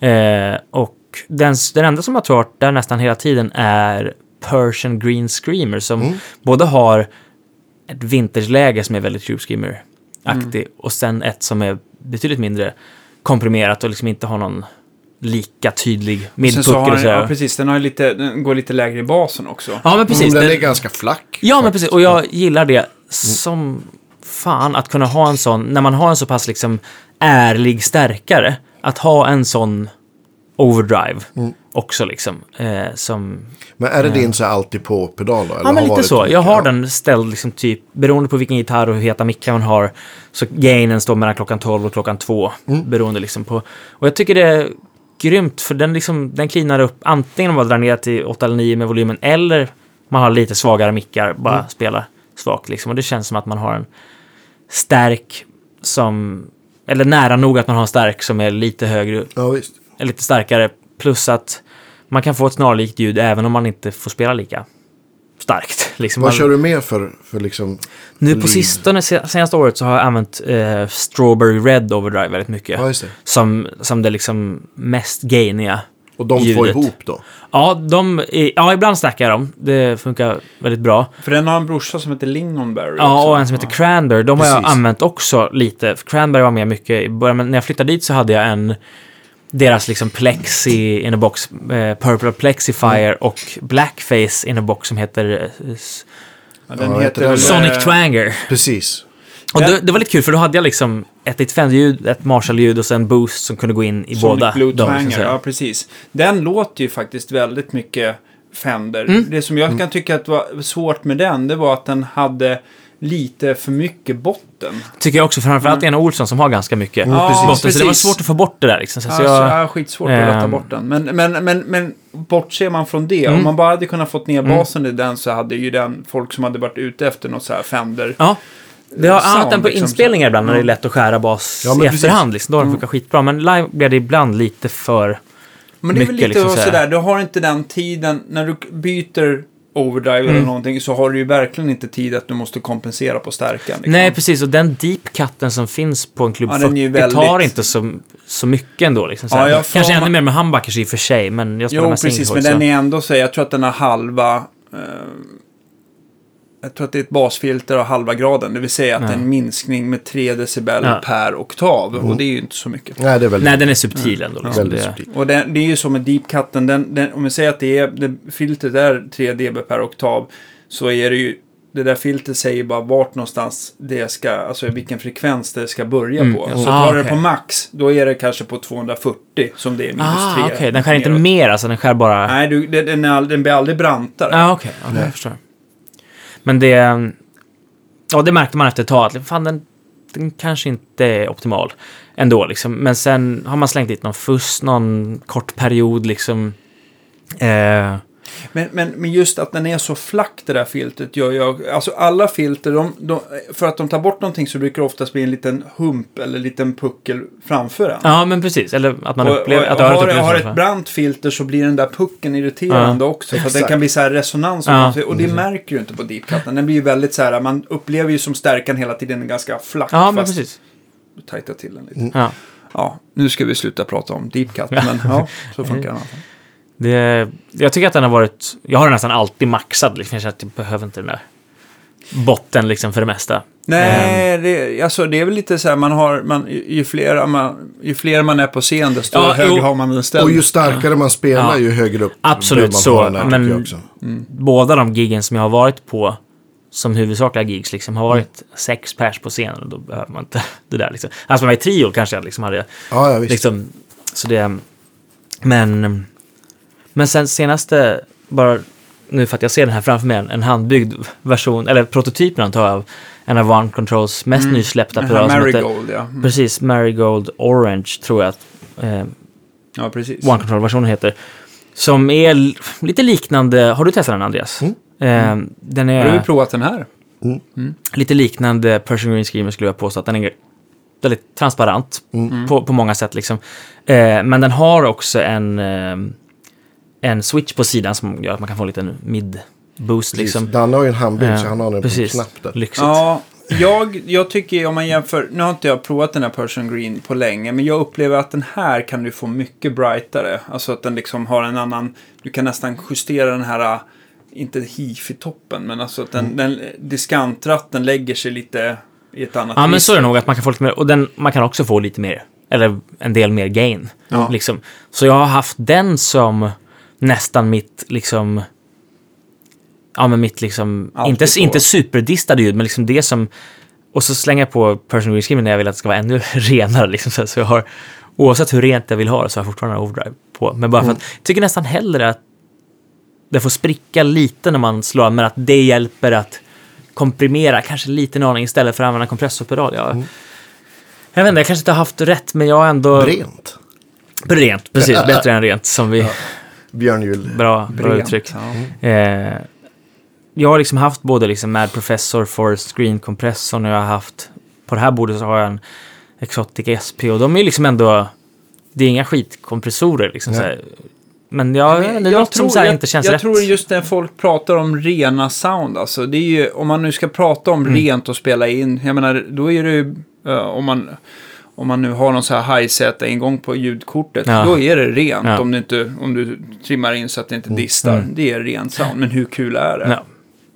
Jag föredrar inte det. Nej. Nej. inte någonstans. Man, Ja, men vill det- ju ha, man vill ju ha den här disten man inte tänker på Ja, heller precis, i det är det, så liksom rena soundet. Liksom. Eh, precis så. Det... Men det blir roligare att spela Ja, det. det blir mer, Ja. Mer uttrycksfullt på något sätt, tycker jag. Att, liksom, Ja, men här- absolut. Om man inte ska spela ett så här super, super snärtigt funkkomp, liksom så här. Mm. Men hur ofta gör man det i Nashville? Inte jätteofta, liksom. Nej. Eh, så, jag vet inte. Det är i och för sig mycket traditionell countrygitarr som är väldigt Det är ren också. Liksom, Det är, här, när, kompressor rakt in. det är kanske bara när Wolfpack åker förbi på turné som blir en liten boom i Nashville och sen så Ja, lägger den sig precis. efter ett par veckor. Undrar om de har varit där sen jag flyttade dit. Jag har för mig att jag har sett det. Jag vet att Snarky Puppy var där Ja, för inte så länge sedan. Ja, de, de var här i höstas i Stockholm. Jag tror att de gjorde en stor turné. Det var de garanterat. Det är ju asbra band och där kan Ja, man ju ja. prata om snärtiga funksound. Absolut. Ja, precis. Ja. Men det var väl, alltså jag tänker, om, jag tänker på den här, eh, vad heter han? Han som har den här True Tone Lounge. Ja, Det är en jättebra YouTube-kanal. Ja, Han verkligen. intervjuar ju, ja men, ja men typ såhär, Reggie Young-avsnitten Mm. är ju såhär legendariska. Och på 80-talet var det ganska mycket såhär linad gitarr. Ja. Det här liksom, men då körde de ju ändå igenom någonting. Så det var ju ändå liksom, du vet såhär, genom någon preamp och någon Ja. kompressor. Ja, Ja, precis. Så att- jag tror att faktiskt... Och då är det ju inte rent helt Ja, plötsligt. nej, precis. Men jag har för mig att... Nu, ska, nu får folk eh, gärna skicka in. Men eh, jag vet väl... Eh, jag tänkte på Prince är väl mycket linad gitarr va? Mm.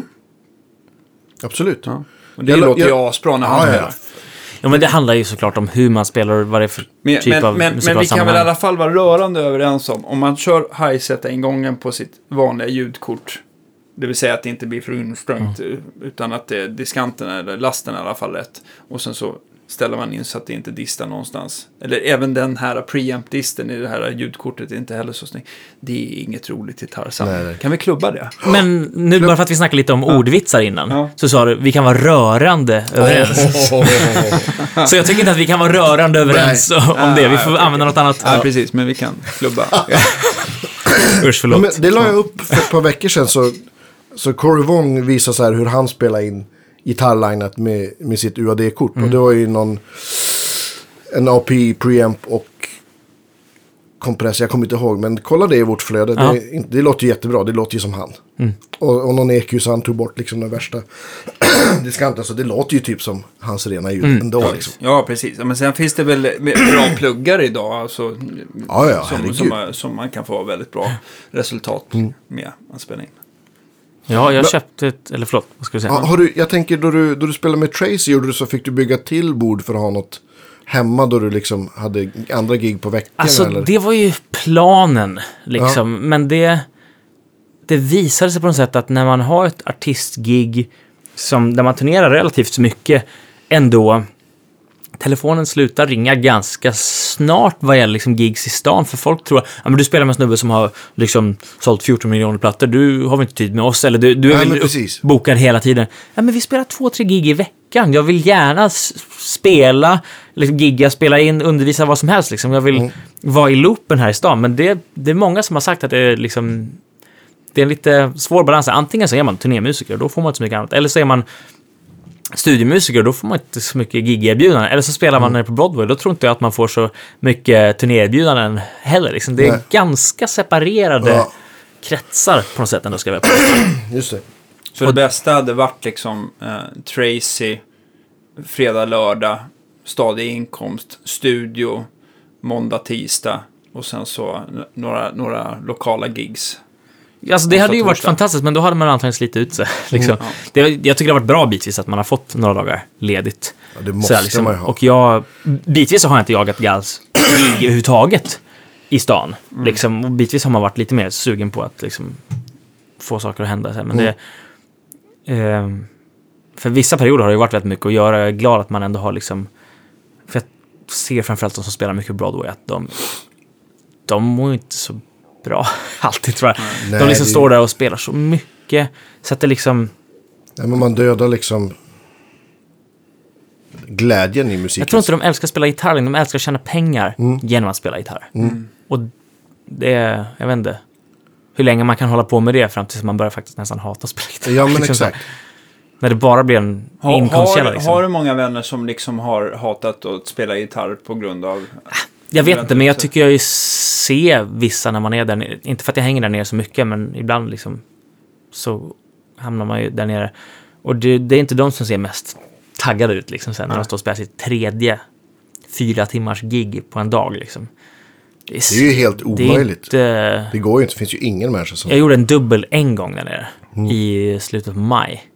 Det var slitigt alltså. Sen är det klart, man kan ju vänja sig. Liksom man, spelkondisen går ju upp ju mer man spelar. Liksom. Men jag tror inte att kreativitetskondisen Nej, poängen den- med lika mycket. Liksom. Att Nej. orka spela 12 timmar, ja det är väl en grej, men att liksom orka... Ja, den går nog snarare ner. Du liksom, Ja, men precis. har, du, har du spelat 12 timmar i gitarren då? Det är ju inte så att du åker hem och slår på datorn och börjar skriva en låt eller skissa Nej, på men ett en polare till mig sa liksom. att han har inte rört sin gitarr hemma på typ två år.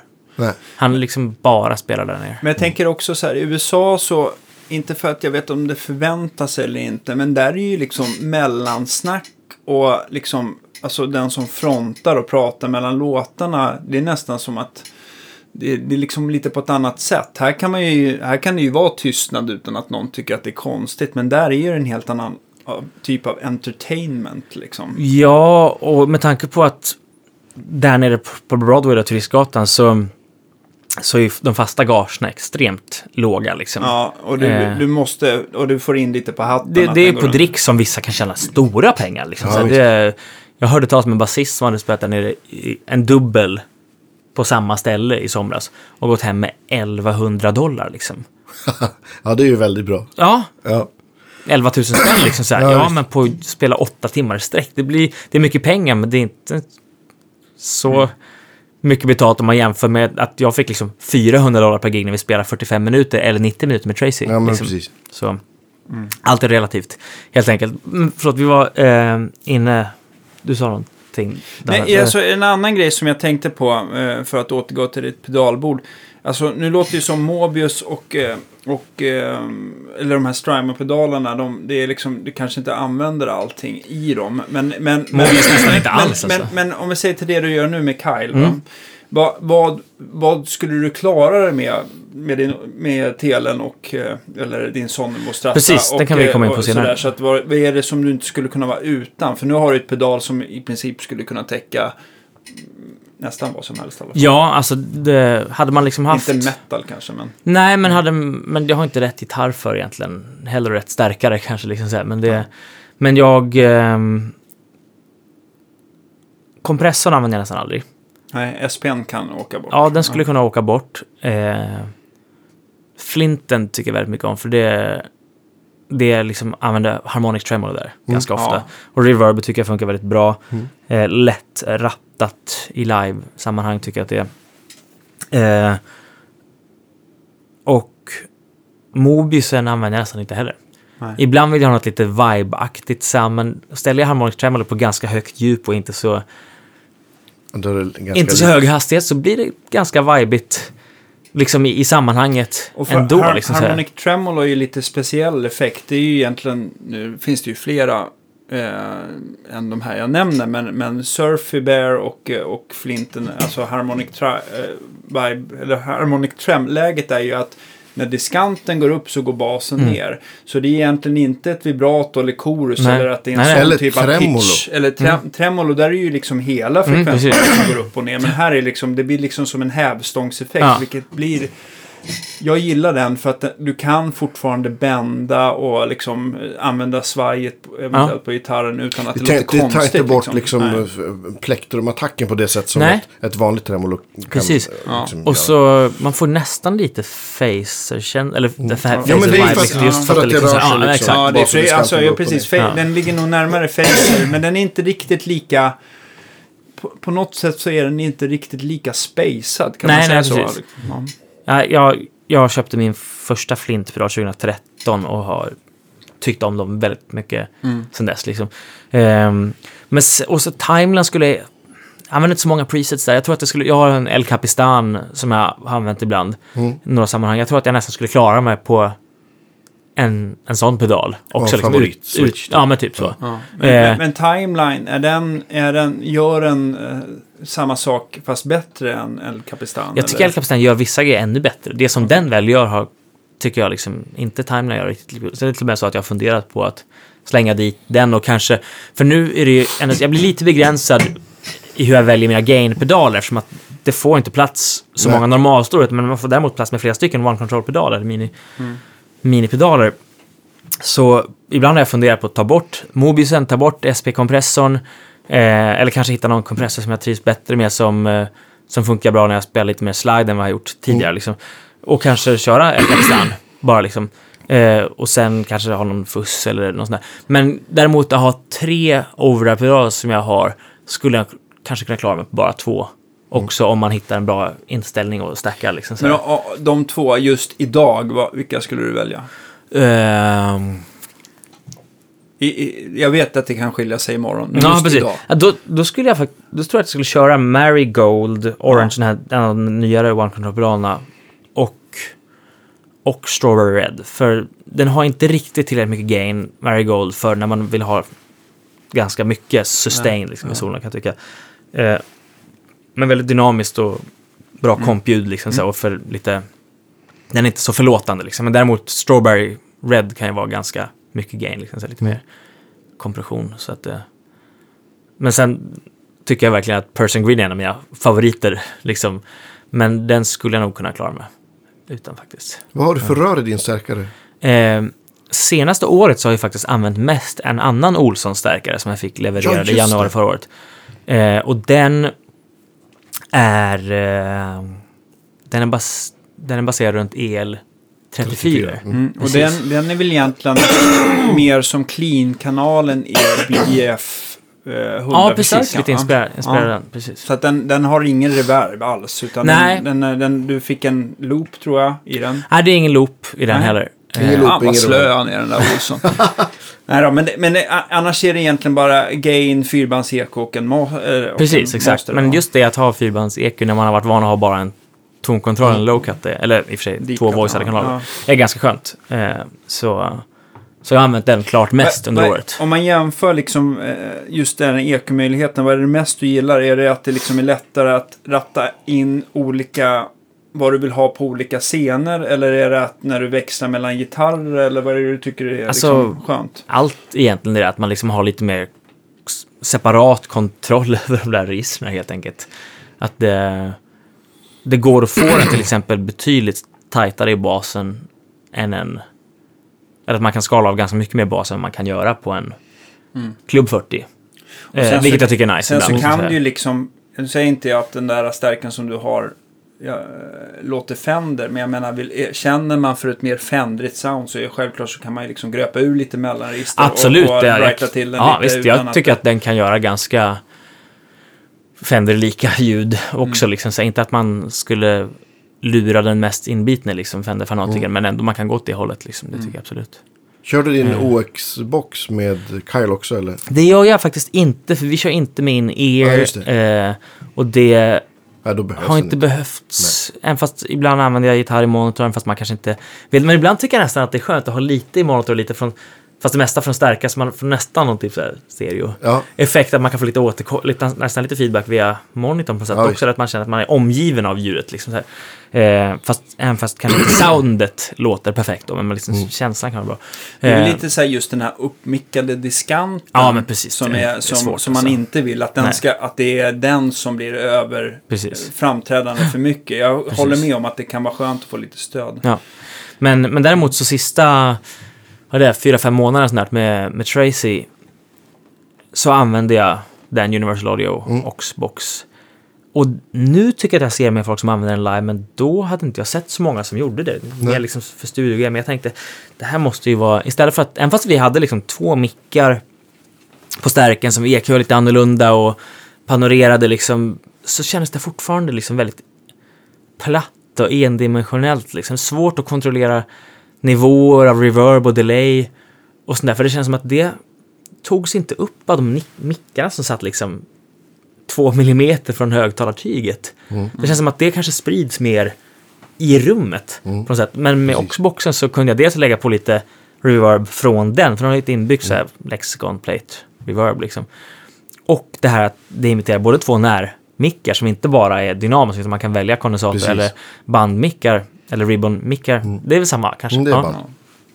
Ibland blandar jag ihop det så här. Rörmickar, men det är ytterligare en kategori. Liksom. Och det kan man men, inte... Men rörmickar, nu vet är jag inte om det alltid, men, men, men rörmickar är ju oftast att man, alltså, det är ju en, en form av kondensatormick helt enkelt. Okej. En dynamisk mick, den är ju liksom, den har ju, vad ska jag säga, outputen kommer ju av den inbyggda magneten, precis som det gör i en gitarr. Just det, just det. Eh, Medan en kondensatormick, där har du en fantommatning och det måste en rörmick också Ja, ha. det. annars så liksom, men där, där det som är bra med kondensatormickar är att det kanske inte spelar så stor roll om du har en meter eller eh, 15 meter för att diskanten blir ungefär densamma. Just det. I en dynamisk mick blir det precis som i gitarren att, att den blir ju liksom ebbeslöjd ju just längre det. kabel du får. Liksom. Just det. Det finns ju rör. Royer gör ju en 122 med rör också. Ja. Så det finns Aha, ju. Liksom, ja. Coolt. En, en ribbon-kondensator-rörmick. Mm. Får man nästan kalla det. Ja. Tillbaka till Oxen, Ja, förlåt. ja. Nej, men det... Det var liksom jävligt coolt efter att ha... Jag testade i en studio vid ett tillfälle och åkte till en musikaffär och testade också mina egna in-ears och tyckte det här låter jäkligt bra. Liksom.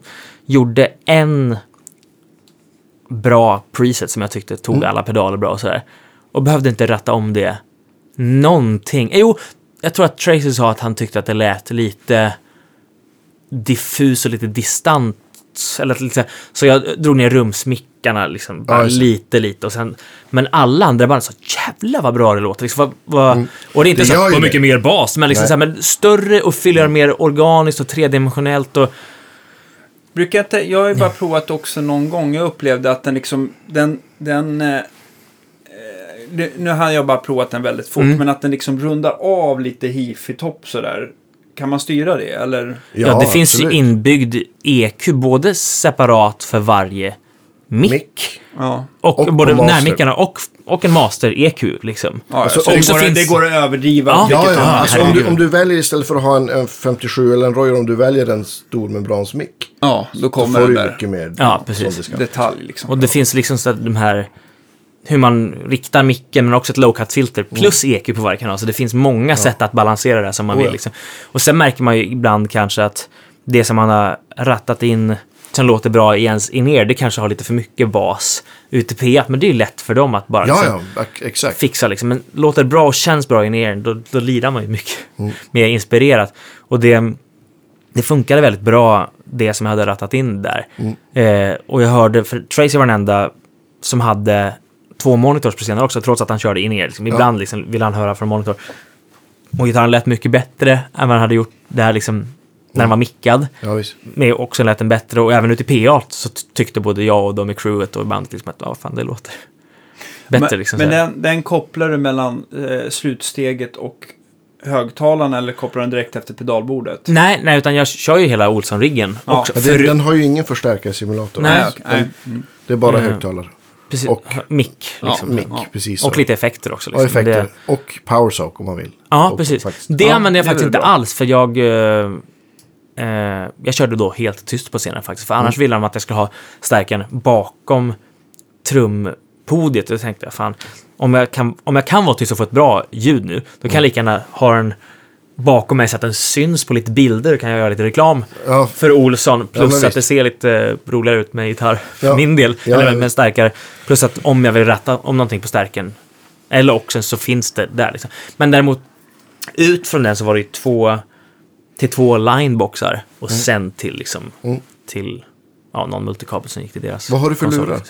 Vad sa du? vad har du för lurar? Ehm, jag blev rekommenderad, för jag har aldrig använt in-ear Mm. i Sverige överhuvudtaget.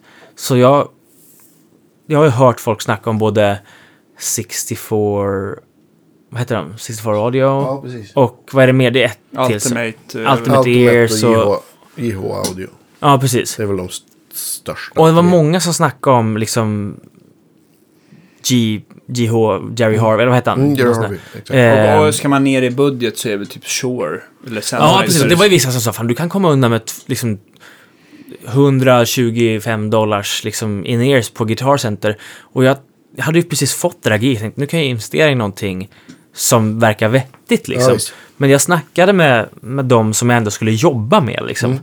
Ehm, och de hade haft lite problem med de här J, JH. JH-grejerna. Liksom så här. Och de hade nyligen hört talas om ett nytt företag med någon snubbe, jag kommer inte ihåg vad han heter, men han var tydligen väldigt med i svängen när liksom den första generationens in-ears kom ut. Okej. Liksom, och har ett företag som heter...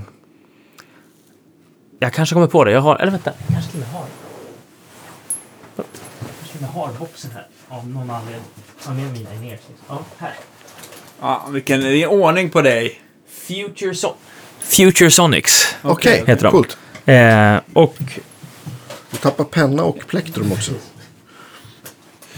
Men, men, men det är också så här fle- flera membran och eh, ja, gjutet efter Ja, dina- ja, absolut. ja. Gjutet. Och sen var det, men det var någon annan teknologi tror jag som var liksom... ehm, de, nu har de snackat om det här på engelska med mig, men liksom att en vanlig teknologi att det är... Vet ni vad det... Något liksom så här som... Är det membran som typ så här Ja. flaxar nästan fram? Eller så här att det liksom... Ja. Men att det här var någon annan grej där det är mer eller mindre en faktisk liten högtalare. Jag vet inte. Någonting. Ja, ja, okej. men Ja, men det är, det ska jag googla på. Det Ja. Gör det, för du har ju liksom, jag vet att du har använt Ineos mycket genom åren och testat Ja, lite olika så här. Så det var kul att höra vad, om du liksom kan få en uppfattning bara av att läsa Ja. om det liksom så här. Men jag har Och inte haft så som mycket... med allt, allt här, teknisk utveckling så blir det ju bättre och bättre. Det kommer liksom nya tekniker Mm. och teknologier. Och, Precis. Att- Nej, men de har funkat bra liksom. Mm. Eh, I början var det liksom så här, spela gitarr med Ineos och inte känna starkare överhuvudtaget. Det var ju inte så inspirerande. Men då var ju giggen i sig inspirerande, för Mm. att jag precis börjat spela med Tracy liksom. Så det, var ju, det gjorde inte så mycket då liksom. Men sen... Eh, eh, första gigen körde jag med någon så här typ eh, generisk formfit, liksom så här, typ liksom 535 eller- Ja, men liksom. Ja. Och jag har ju sån, så otroligt klena öron liksom, så jag känner att min tinnitus blev värre av bara ett gig för att de släppte in för mycket utomstående Ja, ljud. Så vid några tillfällen så körde jag liksom gjutna proppar med in-ears hängande över öronen Oj. och bara talkback, mick och klick där så att jag skulle hö- höra inräkningar och resten körde jag bara typ så här. Oj, shit vad Och då hörde jag varken gitarren särskilt bra eller sången. Liksom så här. Men jag tänkte, det, det kommer bara vara en vecka eller två innan jag får mina formgjutna in-ears. Ja. Men jag, jag kände att det blev så jäkla mycket, eller tydligt sämre liksom, Mm. min tinnitus av bara ett sånt gig. Liksom. Så jag tänkte, jag vill inte riskera någonting när jag precis har flyttat hit. Och, liksom. och, och tinnitusen den har du haft sen, sen du öste på med storstärkare i replokalen som liten eller? Alltså, nej, men sen jag var 23 tror jag. Ja. Och, men jag har alltid använt öronproppar sedan jag var 13 år gammal. Liksom. För att mina föräldrar sa du ska ha cykelhjälm när du cyklar, du ska använda öronproppar när du liksom spelar musik starkt. Liksom. Jag använder till och med när man liksom repar på väldigt svag volym. För att jag, det är som att det liksom är en, en tröskel eller limiter eller någonting som trycker ner bara, eller nästan digitaldisk, liksom, bara frasar. Och, Okej. liksom, det behöver inte vara starkt alls. Det kan räcka med att någon står och sjunger utan mikrofon starkt nära med någon som har liksom en kraftfull pipa akustiskt liksom. Och det är värdelöst egentligen. Men jag... Det Du hör ont väldigt liksom. bra. här. Vad sa du? Du, du, du måste ju höra väldigt bra då. Alltså, Nej, det du vet har... fan egentligen. Jag tror att jag har nedsatt hörsel också, men det var en tröskel där. Som liksom, så. Ja, okej. Eh, men det... Har Men, inte- eh, men eh, tinnitus brukar ju annars förknippas med, eh, med konstant pip. Tänker jag. Ja, jo precis. Men så, så är det ju. Det är ju... Efter vårat kaffesurplande. Mm, precis, förlåt. Nej, men det, det är en... liksom olika toner i varje öra och ibland hör jag också ett, ett liksom lite mer lågfrekvent brus i, Mm. i vänster öra liksom. Och det... Lider du någonting av det? Nej, ta i trä. Ja. Alltså, Ja, jag, det, jag- pi, det piper ju där jag har spelat starkt, men det gör det ju för alla människor. Ja. Om, jag, eller om jag är på konsert och har glömt mina gjutna proppar. Liksom. Men, eh, nej, men jag har verkligen tagit det här klarat mig. Så att om, om det, eller, ja, men som när jag var uppe i Västerbotten på jul. Där är det ju verkligen tyst. det Mm. Och så då hör du ingenting liksom. Jag hör ingenting. Det är Alltså det är helt tyst. Alltså för jag har ändå så här, jag har så eh, extremt svag tinnitus. Så att det liksom, det känns... Eller, Mm. Det stör inte mig så mycket. Det gör inte ont. det är Jag har inte ungefär svårt att som när somna man slår liksom. så på vissa tv-apparater, alltså lägre än det. Så Ja. känns det. Men det, ja, nu när vi pratar om det, det är så att min hjärna är ju bra på att filtrera bort det för Ja. det mesta. Liksom. Men nu, när vi pratar, om man också hör... La, lamp, det är ju takt från lamporna, Ja. hör man ju nu. Precis. Men nu hör jag också, just när vi pratar om det, för att ja, jag jag tänker är på det. mest fläkten för... Ja, eh, fläkten hör jag också. Men jag hör också det som är framförallt i vänster öra, att det är lite Men starkare än höger lamporna har en jättehög frekvens också. Så tyst. Jätte- Så länge har det aldrig varit i den här podden. Ehm, ja, men så det är ju något som, som egentligen inte stör mig så mycket, men som ändå oroar mig över hur mycket värre det eventuellt skulle kunna bli över de nästa fem eller tio eller liksom 20 åren, liksom, om man ens kommer kunna liksom klara av det då. Liksom. Så jag försöker ändå vara... Och vissa är så här, men jag har tinnitus, då, det kan väl inte bli så mycket värre. Men Jo, det, för, för mig gör det ju liksom inte ont själva tinnitus, men just det här när det slår över och man inte använder proppar, då krävs det lite för det här. Man kan ju inte stå och spela och njuta av det eller spela ens tillsammans med folk. Om det hela tiden slår över sådär öronen, då kan inte jag fokusera liksom. Ehm, Nej, det är obehagligt. så det, det är synd, men det, det får man ju leva med liksom. Mm. Eh, helt enkelt. När åker du tillbaks till Jag åker tillbaks... eh, gitarrbyn höll jag på att säga. Ja, men, ja, det är ju verkligen så. Det vet Ja. ju du. Liksom, det finns antagligen ingen annan stad som har så mycket gitarr. Liksom, Nej. bara, på flygplatsen så är det så här Gibson-montrar. Liksom, Ja, ja, visst. Fantastiskt. Man blir glad. Ja, verkligen. Eh, jag åker tillbaks om fem dagar från och med idag, så 7 januari. Så det är Ja. väl antagligen in- innan det här avsnittet släpps. Liksom, Ja, ja. Roger kanske. Nej, men det kommer nog nästa vecka tror jag. Okej, ja men då kommer jag ändå vara tillbaka. Ja, innan, liksom. Ja. Och så var det den 13 februari du skulle få besked. Ja, det har jag ingen aning om, men 10 februari går det här visumet ut. Ja, så det kan ju vara så att jag inte har fått ett besked angående det nya visumet, att jag i princip måste åka hem och vänta på besked, eller betala 1400 dollar extra för att få ett besked jättefort. Åh. Eh, en sån här påskyndningsavgift. Eh, Men hur kan det vara? Varför, varför, kan de inte, varför kan du inte bara få ett besked, ett datum? Varför är det så? det funkar inte så. Nej, okej. De vill inte liksom så här... De vill inte vara hjälpsamma på något sätt. Nej, jag förstår. Och sen... ehm, eller... Och även om man får igenom ansökan innan dess så måste jag antagligen komma hem en sväng för att liksom eh, gå på intervju på ambassaden för att verkligen få igenom det liksom. Jaha, du måste göra det igen? Ja. Och Det blir många svängar här till Sverige under... Ja. Jag tror Eh. Jamie håller på med nytt visum. Ja, han, han fick sitt eh, visum, tror jag, i februari. Jag tror hans går ut nästan precis Mm, sam, samtidigt, liksom, här, i, i precis. Mm. februari också. Men han har ju haft två visum, så han är väl... Ja, Inne på sitt tredje. precis. Ska sökas tredje. Och han har ju liksom... Jamie Meyer som vi pratar om, han har varit i Nashville mycket, men bor inte där på heltid. Och där mest som låtskrivare och artist. Eh, och det är inte, man kan ju visserligen tjäna otroligt bra pengar som låtskrivare och artist där, men det är ju det är en längre väg att gå. För som, som musiker så kan man ju spela covergigs från första dagen där och tjäna pengar, även om det är liksom lite dricks liksom. Som, som låtskrivare och liksom artist i egna så är det mycket svårare att f- få en inkomst. Så jag tror att han är där och i princip investerar det som han tjänar Här, absolut. här hemma. Liksom, så här. Ehm, och ändå för det så måste han ha arbetsvisum på något sätt, liksom, för att han får lite betalt. För de här, jag vet inte, han kanske får hyfsat betalt för vissa grejer, men det, jag vet i alla fall att det är mycket svårare att göra pengar på den grejen. Liksom. Ja, ja, det är det väl Ehm, överallt. Ja, så är det Ja. precis. Ehm, men det, Ja, men eh, alla, alla håller alla tummar. Ja, det uppskattas. Men om allt går vägen så här så är det är våren fullbokad med Kyle och... Nej, och så är det väl inte med någon som är på den nivån riktigt. Men det, det är en del Nej. grejer. Liksom, så, han är bokad för flera grejer i Europa i mars. Okej. Så det kan bli så att, att jag liksom Du får ingen visum fast du, fast, fast du gör marsgrejerna här i Ja, Europa. kanske. Liksom så. Och sen, men sen har jag ett jobb bokat i USA med Truefire.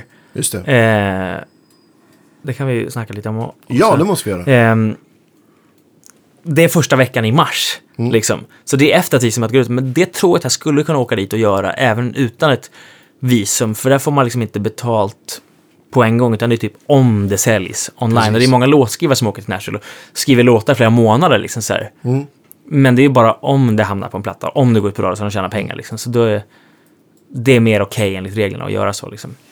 Truefire, vad är det för något då? Ja, ehm, Kanske alltså, den största och den bästa Ja. så online videomusik. Alltså det som liksom eh, Hotlix eller REH eller Precis. liksom de här Var för Starlix 25 år var för liksom typ 30 år sedan. 30 år sedan, liksom, Ja. på 80-talet. Eh, är ju 30 år sedan är faktiskt 1990. Har ni tänkt på det? Fuck. Nu kan man faktiskt säga det. Om visst, för 35 år sedan får vi nog säga ja, då. precis.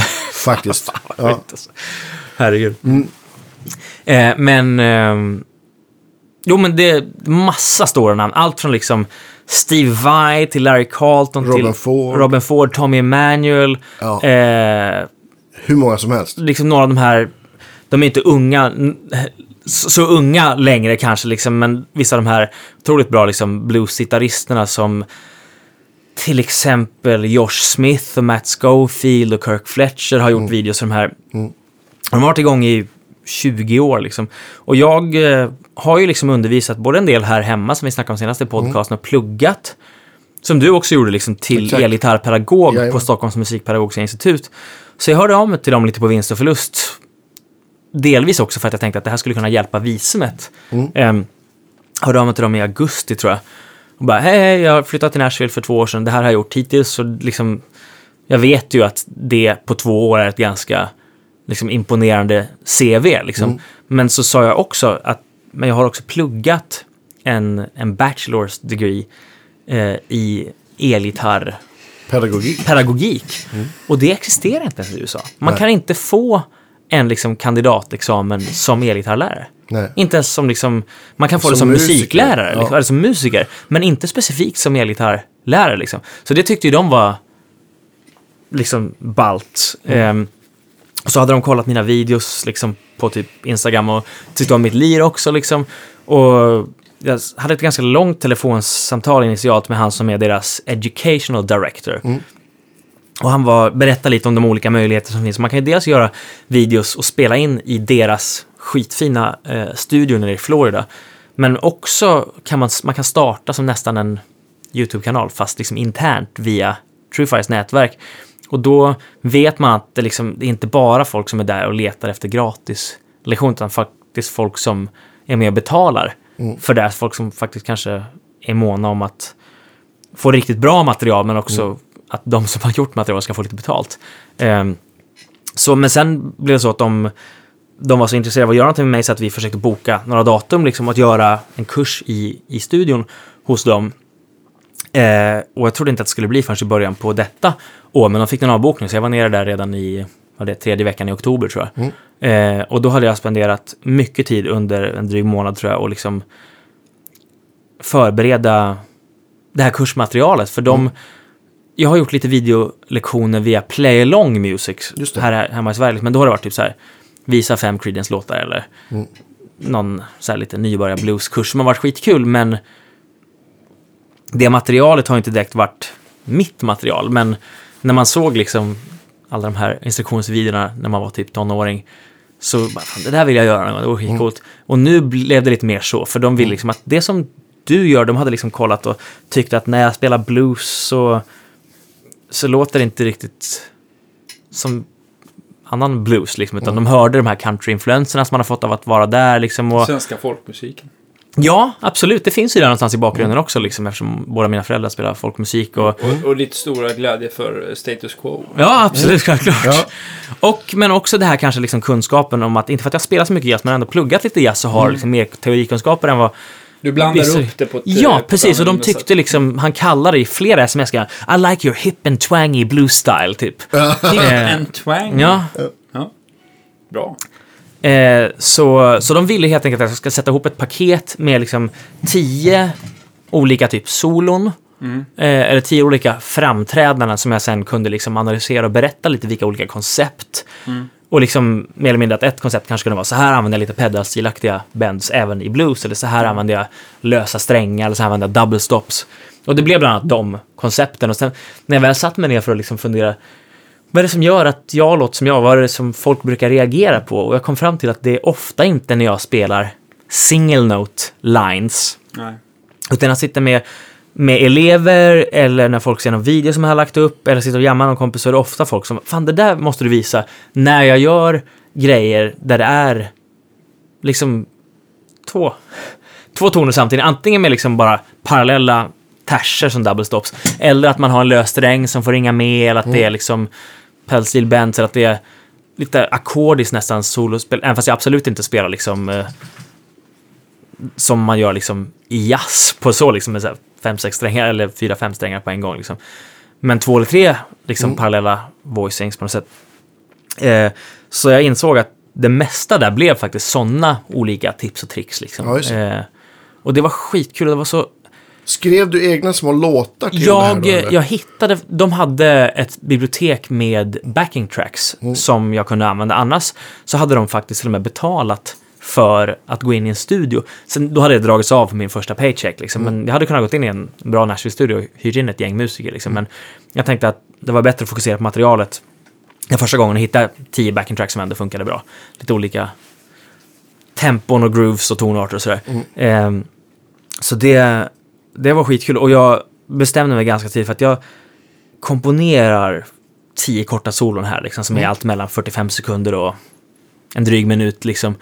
För då är det mycket lättare att, även om jag skulle bli nervös där nere, liksom inte få total feeling, så har jag material förberett. Och jag har tänkt igenom de här fraserna så pass mycket, hur de connectar, både teoretiskt liksom och groovemässigt vilken rytmik använder, så att jag kommer kunna förklara det här Ja, men precis. på ett bra sätt utan att behöva liksom så här, vad var det nu jag gjorde? Där och behöva lyssna tillbaks på inspelningen och sånt där. Liksom. Så det, och de uppskattar verkligen det. De tyckte liksom att jag hade, det var otroligt kul att få den responsen. Man vet ju inte, det har ju varit sådana otroliga världsstjärnor där, så man vill, bara, ja ja, du hörde av det, du är inte kanske något märkvärdig, men vi fick en ledig, liksom, två lediga dagar här så vi får väl ge det en chans. Men de var liksom superpositiva och så jäkla bra att ha att göra med. Liksom. All kommunikation på förhand när de bokade både flyg till mig och liksom eh, eh, hotell liksom och det sätt som man blev bemött på, liksom upphämtad på flygplatsen av någon eh, taxichaufför när man anlände dit. Och sen på morgonen så var det liksom en av deras medarbetare som kom och hämtade upp en liksom och det var, de stod för alla utgifter. Det, var, det kanske man ska förvänta sig på den nivån liksom, men jag visste inte riktigt hur det skulle vara. Och Var allt var verkligen till någonstans? i en halvtimme utanför Tampa i Florida, St. Petersburg. Just det. Och det, ja, det har varit, eh, och jag ska som sagt ner dit här, eh, eller ja, vad blir det, över dit. Ja, Ja, i mars till, det. ja precis, första veckan på mars. Och där har vi inte riktigt bestämt vad det, exakt vad det blir för kursinnehåll än så länge. Liksom. Ah, ni ska göra en till kurs? Ja, precis. Ja, det vad blir... ehm, eller det blir nog två kurser då, för nu gjorde vi en sån här... Jag tror det kommer vara typ fyra timmar material. Jag tror vi filmar fem timmar av material och de Oj, sa att, shit. att det någonstans... Det, det är deras ord, så jag, Ja. jag skryter inte över mig själv, liksom, men de sa att det var så pass väl, väl, väl förberett. Mm. Så att de trodde inte att de skulle behöva editera bort så mycket som de ibland Mm. behöver göra. Liksom. Ehm, så det blir nog ungefär fyra timmars liksom, intensivt material. Men det var bara en kurs ändå. Nu kommer det bli, tror jag, två kurser, för de brukar ofta göra så när man kommer tillbaka andra gången, då har man lite mer vana, lite varm i kläderna.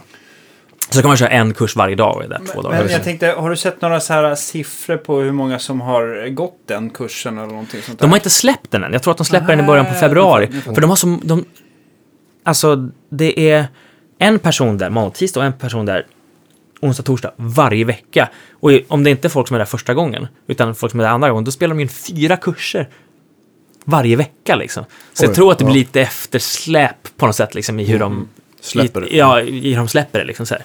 För jag färdigediterat skulle jag gissa att det är vid det här laget. Ehm, Men har du hört några siffror om hur många liksom, användare som, eller som använder tjänsten då? Ja, det är ju typ mellan 2 och 3 miljoner worldwide tror jag. Så det är ju liksom, vissa tror jag tjänar bra pengar på det där. För det, Absolut. eh, alltså. och dessutom får man faktiskt 25 procent av det där. Och det, vad jag förstår är ganska hög procent. Verkligen. Det Toppen. Många andra gånger skulle det nog vara Det är bara nästan 10-15 som. Spotify. Ja, precis. Ja, exakt.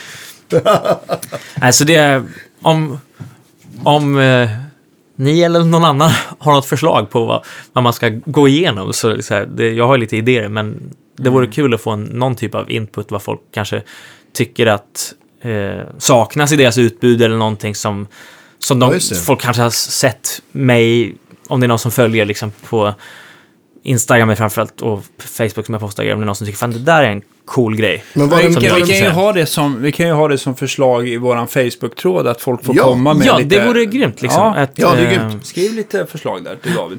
För det, det är men, alltid vad sa bra att det få lite mest, input. nästan bara double stop-grejer, eller? Nej, inte, Dub, inte liksom, men mycket liksom så här grejer där jag harmoniserade med mig själv. Inte bara liksom Ja. så här, men liksom hur man kan använda liksom pedaltoner, Ja. liksom så här, eller sussklanger, liksom så här, och eh, lite Mm. Med ska så här inte göra counter emotion, som- motrörelser. Ja, men så precis. Men jag tänker, eh, i motsats så ska du inte göra något som är men mer komp. I som Det- inte sol. det väl- snackar vi om också. en kurs om, liksom. Det snackar vi om också. För vissa av de här grejerna går ju verkligen att använda när, även om man inte har solistroll. Man kan ju liksom, när jag tar liksom pedalstilrollen, men som komp, då kan man ju använda lite volymswells och de här pedalstil-bendsen, men i en, i en ackompanjatörroll, Precis. Mm. liksom. eller sus-voicing som var en av grejerna. Kan man ju verkligen, så det, det är inte omöjligt att det blir vissa samma koncept fast i komp kompgitarristrollen liksom, Mm. på något sätt. Eh, så vi får se lite, men det, det är rätt kul att det blir två kurser, för då kan man ändå... Någon kanske blir så, någon kanske blir bara typ 30 folkmusik-licks över en blues-tolva. Liksom. Ja. Inte vet jag.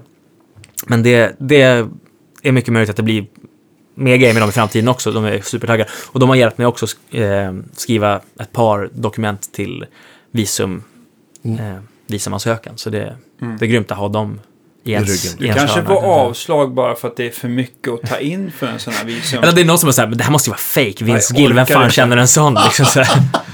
Nej, det skulle inte förvåna mig om de ibland typ såhär, men det, jag tror inte det här stämmer. Liksom. Det, inte just med honom, liksom, men Nej. med vissa andra, så här, fan, det här måste ju vara fake. Liksom. Och så jävlas de bara. Liksom. Ja, det, det finns inga garantier, men det...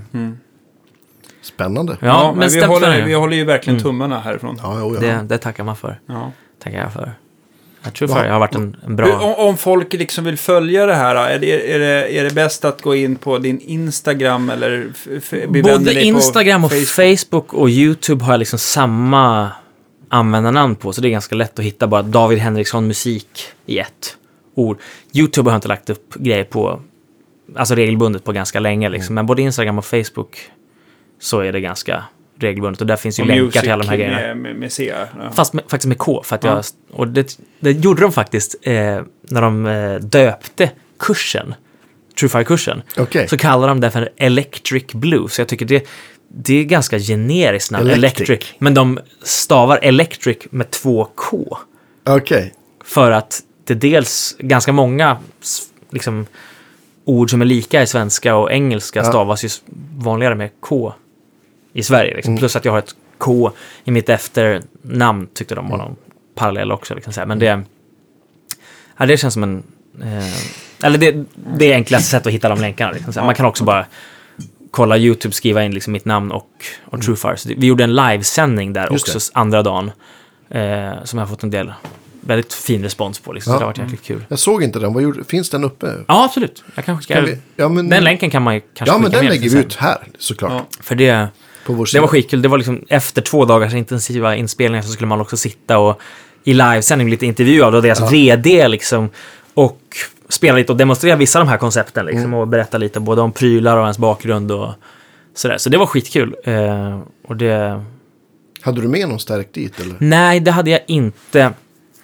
De hade någon, en Prince, de hade ganska mycket olika grejer. Alltså, Ja. De har ju varit igång så pass länge och de har ju liksom, de vill ju att folk ska använda deras prylar, så de har ju fått spons på en del grejer också tror jag. Ja. Liksom.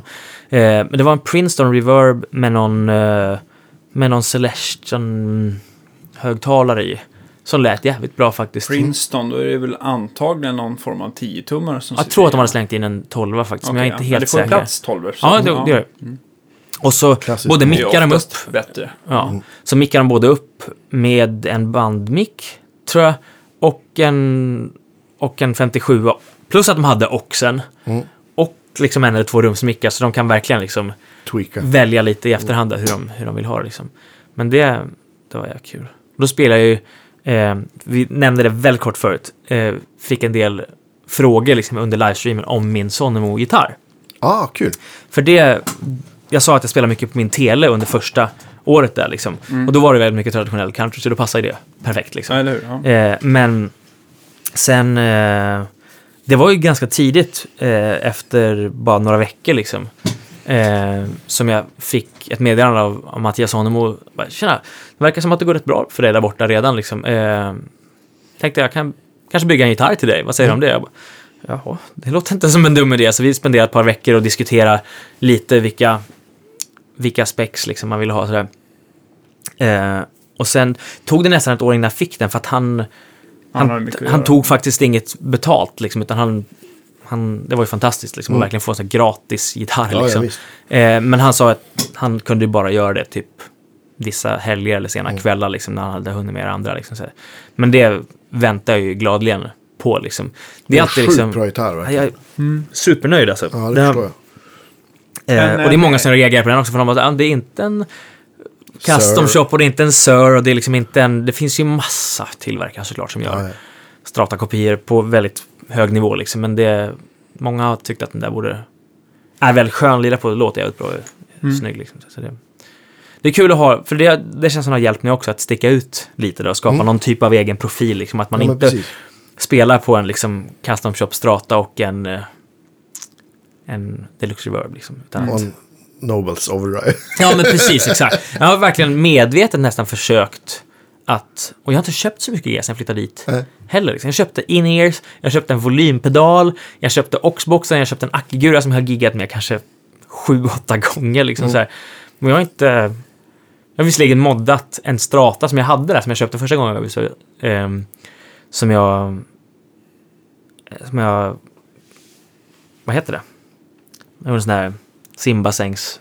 Kan man det? Eller badkarsfräsning kanske. Badkar Ja, brukar man säga. Så du kan få i vilka mickar Ja, precis, så slängde i- Poolfräsning tror jag man kallar det. Men, Just det. Eh, jag, Men så jag det- slängde i ett par Lundgren BJF P90-mickar Mm. där. Just det. Som, eh, det är så, jag tycker man ser Telecasters med alla möjliga typer av mick-uppsättningar liksom. Mm. Men det är sällan man ser typ Filtertrons eller eh, P90 på strater. Liksom, så jag Nej, tänkte liksom, jag tror fan, att, testa jag det, liksom. tror att eh, den största anledningen är att det är ett par millimeters skillnad i stall. Alltså Precis, och det- det förstår jag liksom så så att det är inte det- alltid att polerna Nej. lägger sig så himla snyggt eh, under, under E-strängarna. Men, men eh, visst, jag tycker också att det är ganska eh, Ganska tråkigt. P90 finns ju inte någon sån här trambucker space. Nej, Det, oftast brukar det inte vara något problem. Nej. Men jag håller med om att det är rätt trist att det inte...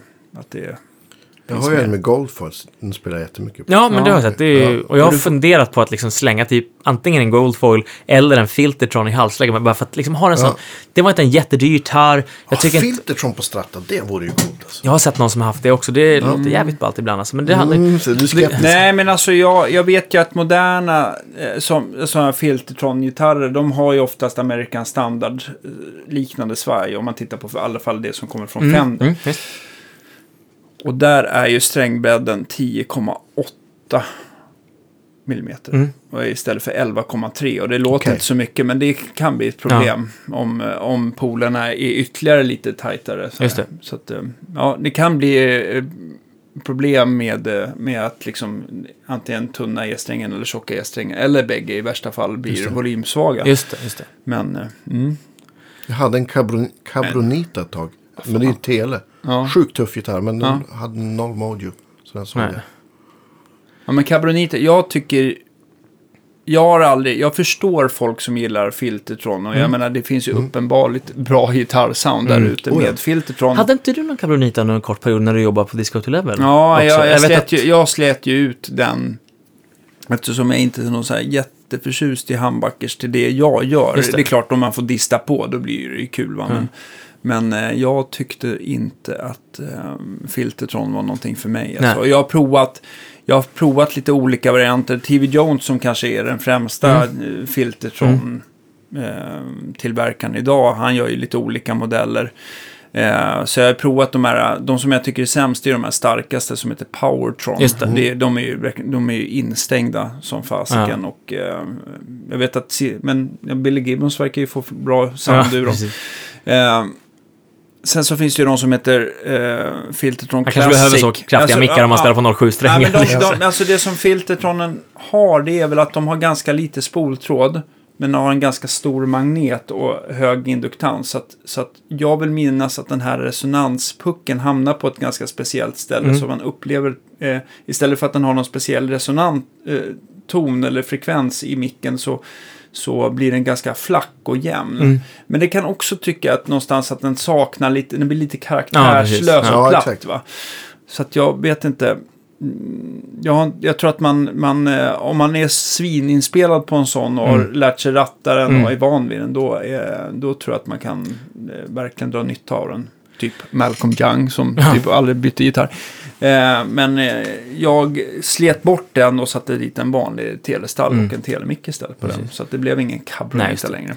Jag tänker att det där är ju ingen gitarr som jag använder särskilt ofta live, utan mer en sån som man kan ha med sig liksom, på inspelningar som ja, erbjuder lite andra sounds liksom. Och som, just eftersom att jag tycker om halsprofilen jättemycket på den, liksom, så, här, så, så har det blivit lite en experimentgitarr liksom, som börjar då med den här urfräsningen och P90-mickarna, men som mycket väl kan gå vidare till någonting annat. Liksom. För just när urfräsningen är gjord också så, så behöver det inte kosta så mycket. Liksom, Nej, så du kan ju ha ett par olika plektrumskydd. Precis. Man- Ja. Där, där ser ni, jag i min bastard där, den gamla Björn Ur-gitarren som, som, eh, som jag provade lite. Den hade väl, när jag fick den, Humbucker singel singel. Och det, är ju, det har ju du på din Sonnebo Mm, nu. precis. Jag tycker däremot att den, jag har ju pratat om i hundra podcast, att jag tycker att det är ganska svårt att hitta klina inställningar Mm. på en stärk och en overdrive som passar när man håller på och växlar Mm. mickarna utan att det blir liksom, jag vet inte, att man liksom för att man får antingen rätta in soundet för handbacken eller för de andra mickarna bero- beroende Mm. på vad man använder.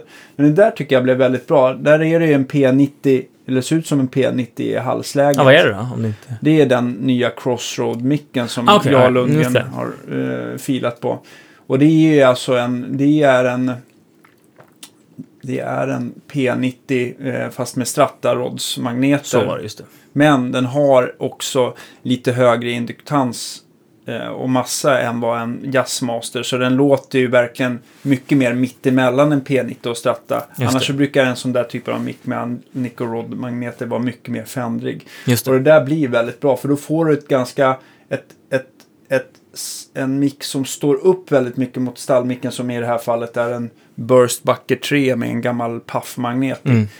Eh, så att det inte blir den här otroliga volymskillnaden och, och att det tappar all liksom, kropp. Precis. Men, men eh, du får lite av den här öppna eh, alltså Fender-twanget i diskanten precis. kvar. Liksom. Så det blev, väldigt, det blev eh, det bästa jag har provat Ja. hittills. Faktiskt. Fan vad trevligt. Men Men har, på... har du, förlåt, har du Sonnemos mickar? Så här är det. Jag tänkte precis ta upp det, så vi tänkte precis Mm. samma där. Eh, Sonemo lindar ju ofta sina Mm. egna mickar. Liksom. Jättebra.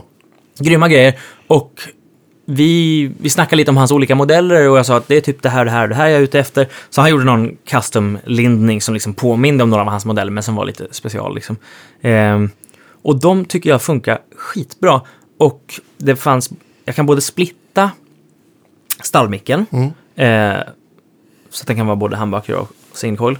Eh, det finns också en mini-switch som gör att jag kan eh, aktivera halsmicken. Liksom. Just det. Eh, så det är totalt 11 olika kombinationer här och räknat ut. Jag använder inte alla dem på alla gig jag spelar, men de finns där liksom. Eh, och där tyckte jag att, eller då använde jag oftast single alltså stallmicken, splittad när jag kompade. Okej. Eh, och slängde en, endast igång handbackeläget när jag spelar solodrag på lite mer gain. Men även då, så att jag inte bytte pedal, för då kan jag ju liksom volymer, kan jag ställa det som jag vill. Men även, alltså spela in genom en superren stärka som hade mycket headroom kvar, då blev det ett litet volymhopp. Liksom. Men så fort man hade en lätt overdrive som liksom komprimerar lite, Ja, så var det väldigt välbalanserat. Och det blev bara som en liten mid lite mid och lite kompression och lite gain, lite extra liksom, här, men inte så mycket extra volym för att det liksom balanserar den där pedalen Precis. tillräckligt. Ehm, och sen eh, däremot så, så slängde jag precis när jag åkte ner och gjorde Truefire-grejen så slängde jag i ett set um, Lundgren, Björn Juhl, liksom ehm, för det finns ju ett sånt eh, Strata. Strata-set sedan många år tillbaka, men de har också för ungefär ett år sedan kommit ut med ett Humbucker-set. Jag tänkte det skulle vara kul att testa de Strata-mickarna fast med liksom Björn Juhl, Lundgren, Humbucken i stallet. Och där tycker jag på något sätt att Humbucker-läget balanserar rätt bra med single coilsen. Så Men de- där de brukar jag är- inte splitta den, men när den väl är splittad så låter den väldigt tunt. Liksom. Jag vet inte, han Just kanske det. inte har liksom, Ja, det- lindat det- den för det- att den ska liksom vara bra splittad. Men alltså väldigt tunt. Alltså menar du att du tappar all botten och sånt Jag där? tappar ja, volym också. Den blir bara liksom... Ja, men det är eh, antagligen att du har fått ur fas. Att du måste vända på ja, fasen. vi, på... det, det låter liksom inte ut, ut, under, utan... Ja, vi, jag kan, jag kan Vi lyssna på det sen. Mm. Men, men, men eh, där, alltså de här Björn Juhl-mickarna, jag gillar ju att rekommendera dem också, för de låter Mm. stratta. Du använder ju dem själv. Eh, Jag har haft dem i mina gitarrer och de låter ju någonstans vintage stratta, men de står upp ganska Ja, bra. visst. De blir inte för liksom, det är ganska fulladdade Alnico 5-magneter. Och sen så eh, relativt mycket tråd på Mm, dem, så precis. att de, de får rätt bra driv genom sig. Jag tycker det är många många så här vintage-mickar eller så här, de, de, de, det blir liksom, de bär inte. Det blir liksom, det blir skitsnyggt när man spelar rent och själv och sådär. Ja. Men i ett sammanhang så är Precis. det någonting som fattas. Det fattas lite. Men då för, de står ju upp bättre. Och så Mm. den här handbacken, han gör ju någon lite olika. Är det här den som heter medium? Eller? Ja, det, ja, det är den som heter BIF Lundgren. Den, den kallas ju för medium slash vintage output. Eller Ja. där. Men... ehm, så när jag väl har använt den så har jag nästan aldrig använt stallmicken splittad. Fast när den är själv. Fast däremot ibland splittad om jag kombinerar den med mitt eller halsmicken. Liksom. Just det. Så man får lite mer teleläge. Liksom. Men, men Så- jag tänker Sonnemo kanske har... Han har liksom gjort micken för att den ska funka i split. Ja, det tror jag. Absolut, Så för det var ju så. min, min PRS Gris och mitt Ja. är ju så. Den, de är ju också gjorda för att splitta. Precis. Och där upplever jag också det att spelar man på liksom med, med lite gains Ja. så kan man liksom splitta utan att man känner att man Precis. tappar. Ja, för det, det, är, det är så. För det mesta gitarrljud är det helt, eller när det är liksom, vi snackar inte eh, det är bara, ingången på ljudkortet, men liksom ändå det är, som det är är, bara jag som kör så. men något som är rent genom, liksom, hyfsat rent genom stärken, det är ju då man märker den största Ja, skillnaden. exakt. Liksom, så här, Genom mycket gain så är det mycket som suddas ut. Liksom. Mm. Så, mm, men jag tycker att eh, de båda setupen har funkat jättebra och jag kan liksom inte riktigt bestämma vilken, vilken jag tycker om mest. Så det är inte alls omöjligt att switcha tillbaka till olika alla liksom, bara för vi, att liksom vi, vi kanske lite.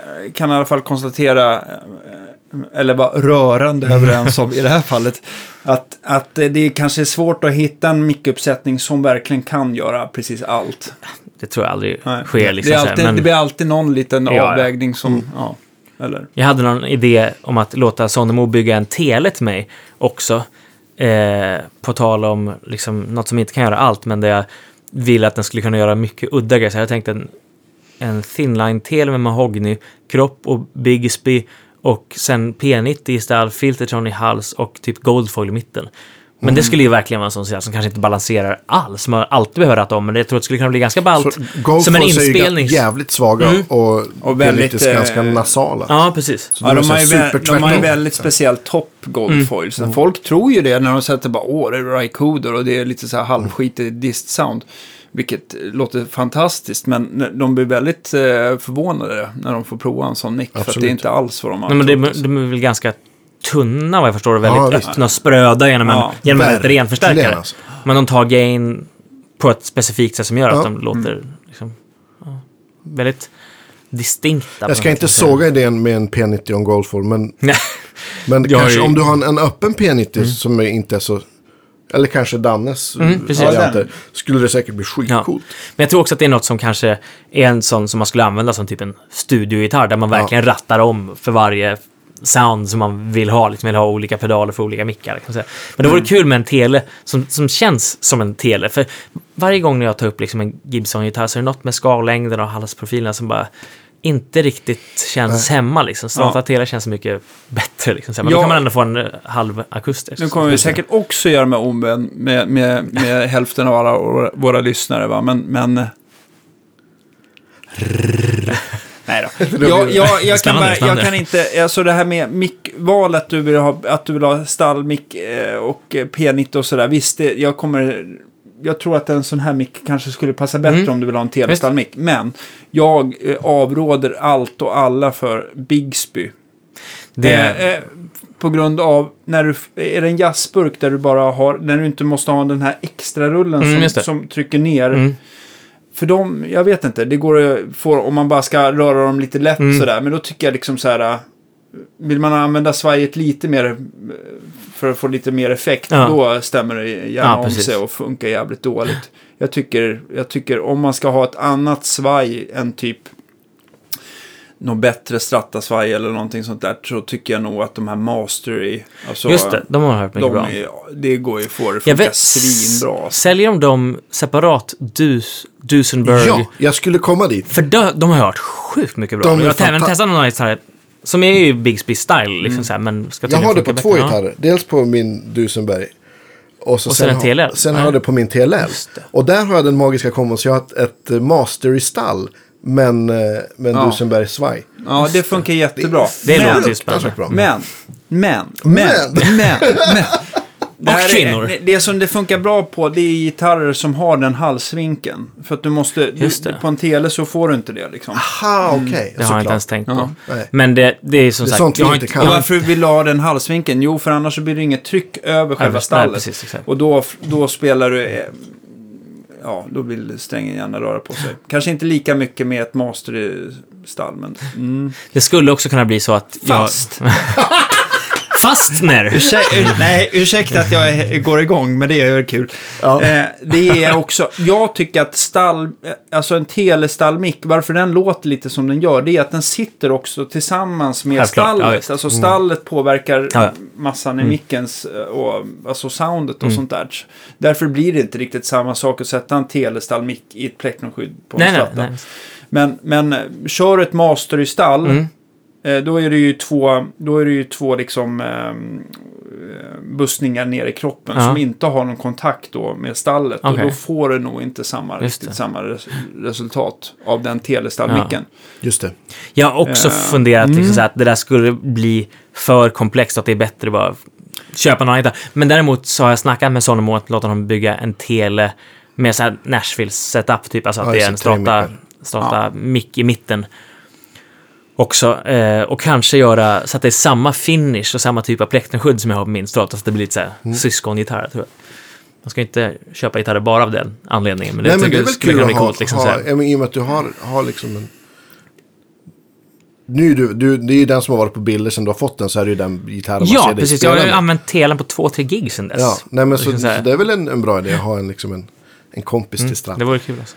För er som vill ha, om du vill ha telesoundet, då är det ett telestall som gäller. Ja, men jag tror att det är så också. Däremot, jag går igång lite själv på tanken, för jag tycker en, en svart tele Mm. med, med eh, krämfärgad binding, Binding så har jag börjat gått igång på. Det är så Oh, jävla snyggt. Men däremot, det jag inte gillar med tele, det är att just den här som man gillar med stratta, den här tummy cut, eller den här Mm. mm, utskärningen Men- på baksidan. Ja. Den vill man ju ändå ha. Men det är jag. bara Sonemo att göra med det. Det jag Jo, tror att jag nästan har som standard. Men om man ska ha ett annat. Jag provade, jag hjälpte vår vän eh, Johan Lindström med, med sitt master i stall här. Alltså det funkar så in i helvete bra. Ja. Mm. Tele, två sådana här crossroad-mickar, Ja. binding, master i stall. Mm. Vad var det för gitarr då? Är det, han köpte en Fano. Ja, ja, ja. Ja, från elvan där. Som, de har ju oftast master, full Mm, Just det, master i och två P90, du vet. Det lätt. Och, och sen så när han spelar, Mm. då, då stannar ju tiden sådär. Vem var det sa du? Johan, Johan Lindström, Lindström. ja. Det Han har ju tonbruket och eh, ja, han spelar väl bakom massa artister och Ja, sånt det där. har han gjort sen De namnen känner jag Men, men, mitten på men, 90-talet. men, eh, men, eh, men Aldrig eh, träffat honom tror jag. det, det, det, det är den enda gitarristen som får komma hit som får eh, alltid spela med öppen dörr från provrummet. Nej, jag skojar. Men han spelar helt grymt bra. Alltså. Han, Ja. är, han, han, Han han, är- han, han, är, han spelar på ett så annorlunda sätt än alla andra. Så Mm. han, man blir, eh, man, eh, han, får, han väcker ens intresse kan man väl säga. Mm. Måste kolla in honom lite bättre Mm. helt enkelt. Om man tänker så här, du nämnde det lite kort förut att det är ganska så här vattentäta skott mellan de olika så här lägren. Broadway, turnémusikerna och studiomusikerna. Ja, alltså såklart inte liksom så här. Nej, inte vattentäta Nej, skott. men, men, men, lite åt det men, hållet men visst ändå, är det liksom, lite här, så att de som har du börjat få bra studiogig så vill du inte åka på turné för då ringer de någon annan om du inte kan komma. Så, så är det. De, de som verkligen vill satsa på det, de... Jag tror att de gör nästan inga gig alls på ett halvår innan de kanske börjar komma in. För de måste visa att de är hemma. Då kanske kliver in, liksom, får en session. Sen kanske det tar bra tag innan nästa dyker in och de gör ett bra jobb. Liksom. Men jag tror att jag hörde någon som sa att han hade varit, liksom, sparat ihop så att han visste att han klarade sig typ så här sex månader om det inte dök upp några oförutsedda utgifter. Det var precis där liksom, i slutet på den här sex månadersperioden som det började bli lite mer regelbundna studiejobb. Liksom. Och det, det är inte lätt alltså. Ehm, men de kan tjäna rätt bra pengar på det och det finns ju fortfarande mycket jobb. Alltså, mer än kanske någon annanstans. Just det här med att de trackar liveband fortfarande. Det, är jävligt det, coolt. Det Alltså. är ju typ enda stan i Ja. världen där det görs. Och det finns många aktiva studier som fortfarande gör det. Och många som faktiskt, eller många ska jag inte säga, men det finns ändå en del folk som kan försörja sig på att göra det, även fast det liksom inte är storslagna produktioner eller skivbolag ibland, utan att det är folk som har bra budget tack vare att de har en rik förälder eller någon som investerar Mm. i deras karriär i början. Så bara liksom demo, Precis. demojobb kan generera rätt bra Men pengar. visst- liksom, så här. Sen har du, det är väl också, till skillnad, nu är jag elak här, men till skillnad mot Musikerförbundet här, så har de ju tariffer som faktiskt är, som funkar i, i, i vardagen Mm, liksom. absolut. Så att det...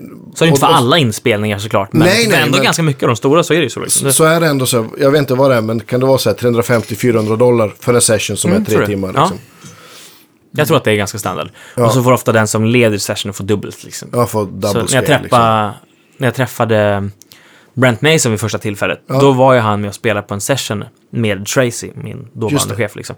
Och då var ju han session leader, så då tjänar han säkert mellan 700-800 dollar på de fyra timmarna. Liksom. Så Mm. det är ju, gör man några sådana i veckan, och han som gjorde några sådana om dagen, här hela 90 och 2000-talet, Ja, det blir rätt bra pengar. Liksom. Jag smsade med honom häromdagen faktiskt. Fick Ja, ett, skicka liksom eh, skicka ett sent god jul-sms och skicka en länk till eh, en artikel som jag precis... Det skulle jag kunna lägga upp också. Jag fick en artikel publicerad Ja, precis. som jag skrev i... Precis. Den hette förut, eller kanske fortfarande heter, The Guitar Magazine, en brittisk tidning som, Mm. som har varit igång ganska länge. Eh, men hemsidan heter bara guitar.com. Precis, ja men det ska vi lägga Eh, upp själv. Så, um, och han hade läst igenom artikeln. Han bara, fan bra, bra artikel liksom. Jag läste igenom Ja. hela, det är skitbra liksom. Ja, kul. Intressant och djupgående liksom. Och, Ja. eh, och sa, ja nu är här över nyår på Maui, i, liksom så en av Ja, ja. Hawaii-öarna. Jag är här med Tommy Manuel, han har ett så här ett fingerpicking-läger liksom så här. Så jag undervisar lite här en vecka, sen stannar jag och min fru i Hawa- eller på Hawaii liksom så här hela januari och semester. Jobb, jobb, jobb. Ja, men fan vad jobbigt alltså. Herregud. Nej, men det är klart vi ska ta upp sådana där länkar. Och det är ingen av oss, vad jag vet, som håller på att sluta med nikotin. Så det ska nog kunna komma med det mesta i alla fall. Ja, precis. Jag brukar inte heller nikotin, så att det. Nej, inte Det jag du heller. Nej, precis. Och Jag, har det, det aldrig var haft inte ditt problem. Så jag Nej. tänkte du, men kanske... Nej. Ja, Nej men det, för ibland gör ni liksom playlists och sådär. Ja. Ja vi har det varit lite dåliga med det på sista tiden. Ja. Sådär. För det har inte jag det jättelänge var det egentligen. många tror jag. gäster som har lovat men som har Ja, glömt okej. bort att Som göra. inte så levererar. att då har det liksom Ja. Fallit lite ganska. Men vi, vi lägger... Men skicka, skicka För det har jag har inte så alla- mycket alla- inspelningar, men lite sådana där, liksom ett Ja, men- artikel, liksom, eller ett, Och en länkar artikel. Ja, där du spelar Mm. bara är är liksom... Kan vi Det köra kan jag absolut skicka över. Mm, Det ska vi göra. Kul att se. Nej, men grymt. Ja, Eh, en jag- sista fråga bara. Ja, Hur, hur jag, jag som har varit i Nashville till och från under typ 10 års plus tid. Så det, det är en stad i ständig förändring. Vad tycker du har förändrats de tre år du har varit där? Ehm, Eller hur, vad upplever du? alltså, Ja. det är väl lite det här att man... eh, Eller man ser förändringen ganska tydligt. Det är, liksom det, Mm. det är visuellt tydligt, för det är grävmaskiner och Ja, det liksom byggs ju som men alltså, Tusan jag alltså. tycker att jag har hört var det, någon inte säga... var, det- var det inte typ USAs snabbast växande stad? Jo, det är det. alltså? Ja. Det, eller det, de siffror En. som jag har hört. Liksom Ja. så här. Och eh, det, det är också en av de som har, liksom, det är inte den dyraste staden att leva i, men det är en av de som har gått upp mest på den listan. För det, Mm. alla boendekostnader och matkostnader, liksom så här, restauranger och liksom vad det nu än är, liksom alla servicekostnader liksom, Och blir du dyrare och som dyrare, kanske inte har köpt lägenhet utan liksom lång hyr. eller Ja, precis. Så eh, måste väl säkert också du märka den marknaden att den inte blir billigare Nej, ja, men verkligen. Så det, det är väl det kan jag säga, att man verkligen man noterar att liksom... Och sen ser jag säkert inte alls allt som förändras, Mm. liksom så här, men just det här att man ser att det byggs och rivs och liksom uppdateras saker hela. Mm. Jag tyckte jag hörde någon som säga att det byggs liksom två hotell i liksom innerstan mer eller mindre parallellt med varandra hela tiden. Mm. Liksom för när de är klara med de där två första, då är det, är det två andra som bygg-. Precis. Liksom, för att det flyttar så mycket folk i stan. Det sägs att det flyttar ungefär 200 pers till stan varje dag tror jag. Men att ungefär 100 pers lämnar stan också. Ja. Det kan ju vara många som Precis, både det flyttar dit men lämnar med, med, liksom, i somras till mig också. ja, med liksom eh, drömmar som har gått i spill. Liksom, så. Ja. Ja, Det är inte så att eh, det är enkelt bara för att man väl tar sig dit. Liksom. Nej, nej, nej. Många frågar liksom så här, men är alla bra på att lira där? Nej. Jag skulle nästan säga att det kanske den generella gitarristen i Stockholm liksom, kanske nästan är bättre. Liksom. Sen är topparna kanske Men- mer men- extrema där. Liksom, så här, Ja, men, precis. Men sen så var det väl också det som du sa också som kanske skiljer att det, det verkligen är folk har, har, är mycket smalare och kanske är bättre, Ja, bra på en precis. specifik grej liksom. precis. Och det går ibland att försörja sig på de grejerna, men det finns också... Alltså det, det, det är inte lika många som kan försörja sig på att spela på gitarr i det här landet nästan som det finns i den stan bara för att det Nej, finns så mycket precis. Men coverbandställen. det, men det är väl det som. också inte alls samma liksom... Eh, alltså, det är väl i grund... eh, om man liksom ska spela nere på nöjesgatorna där så... Mm.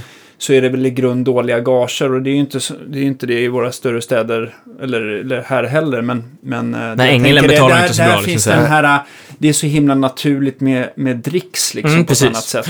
Som, som aldrig Det har är en funnits kultur här, som liksom. inte f- finns här på Nej, det sättet. precis. Nej. Så det är ju... Ja, jag har inte spelat där nere så mycket, men jag gjorde det lite mer under typ maj, juni förra året. Liksom så här. Men vissa kvällar så tjänar man ju liksom fyra dollar i dricks. Och när basgaget är inte så bra, det kostar lite antingen om man liksom kör bil eller om man åker taxi. Så det blir inte mycket kvar liksom så här. Men några gånger så, så tjänar man liksom så här 200 dollar på en kväll. Men det är ju att spela fyra timmar covers och liksom med när man aldrig får en setlist utskickad så man står och gissar halva. Jag har blivit ganska Nej, bra på att så fejka mig igenom låtar, liksom så här, men man känner sig, Man måste vara på sån helspänn hela tiden så att det liksom... Det kan ju vara kul på ett sätt, men jag kan också Ja, tycka att liksom det känns lite så här 40. ovärdigt mot Ja. musiken på något vis. Att man bara blajar sig igenom inte 70, låtar. när 70 procent typ är sånt som man liksom inte varken har hört eller spelat förut. Liksom så. Det är en bra träning för gehöret och man måste Ja, vara jävligt alert liksom. Men det, och det, framförallt så funkar det rätt bra tycker jag om man har en annan ackordspelare. Liksom, så här. Antingen Mm. en annan gitarrist eller en keyboardist. Liksom. Men vid några tillfällen så har jag, det har bara stått en trummis och sångare och basist där. Mm. Och då liksom så här, stå och gissa liksom ackordsföljder när man liksom egentligen bara har en grundton i basen. Liksom. Det, Mm. Spännande. Ja, precis. Jag är glad att jag inte har behövt göra det så Ja. mycket mer. Liksom. Men Swedish- Jag har undervisat mer under Swedish senaste folk året. music Ja. får du klaga Ja. på. Ja. precis. Ja, men det gör det. Det har jag sett att du har lite elever och... Precis, det har varit skitkul för vissa liksom, som verkligen har... Även om, alltså med Skype kan man ju ta lektioner av absolut. dig också. Jag har gjort en del sånt, både med en del svenskar eh, och eh, med en snubbe min, i Nederländerna, folk runt om i USA. Men också en del eh, på plats, liksom i den lägenhetsbyggnaden som jag bor i så finns det faktiskt, vi är ändå, eller jag bor ju ändå i Nashville, det finns ett musikrum på vår... Visar jag Jajamän. det? Ja, helt episkt faktiskt. Och det, är, det finns ingen utrustning där, men det är ett ljudisolerat rum bara våningen under. Det Där man kan låta. Och det är ingen annan som är där. Två gånger på hela året. Säg den bostadsrättsförening i, eller hyresrättsfastighet Och det är i ett Sverige stort rum ändå. Liksom. Man får Ja. absolut plats fem, sex, sju pers och repa om man vill. Liksom, Ja. Så, men jag har haft ganska mycket lektioner där och några snubbar som verkligen har så här jazzgitarrexamen från universitetet eller college Mm. där borta. Liksom, men som tycker att det som Du gör. jag gör är liksom intressant på ett annat sätt. Liksom. Mm. Eh, Så det har varit skitkul. Eh, För man är lite, även fast jag har haft några sådana elever också, man, jag är inte sugen på att sätta mig ner och ha liksom åtta elever på en kväll och lära dem liksom cowboyackord eller visa ackord. Det, det, det jag gjorde på studieförbund här hemma några år. liksom. Ja, men lite så. Det, Vilken är den sista gitarrpedalen du säljer? eh, Tycker jag var Ja, jag en bra bara- utveckling av mina Ja, frågor här. Ja. gitarrpedalen. Ja. jag har ju bara en Jag vet kvar. att det skulle vara extremt svårt för dig, Andreas. Ja. Ja. Jag fick ångest direkt. eh, jag måste, Du är har bara en kvar, eller vad sa du? Ja, precis. Så det blir ju den. Nej, men jag har faktiskt...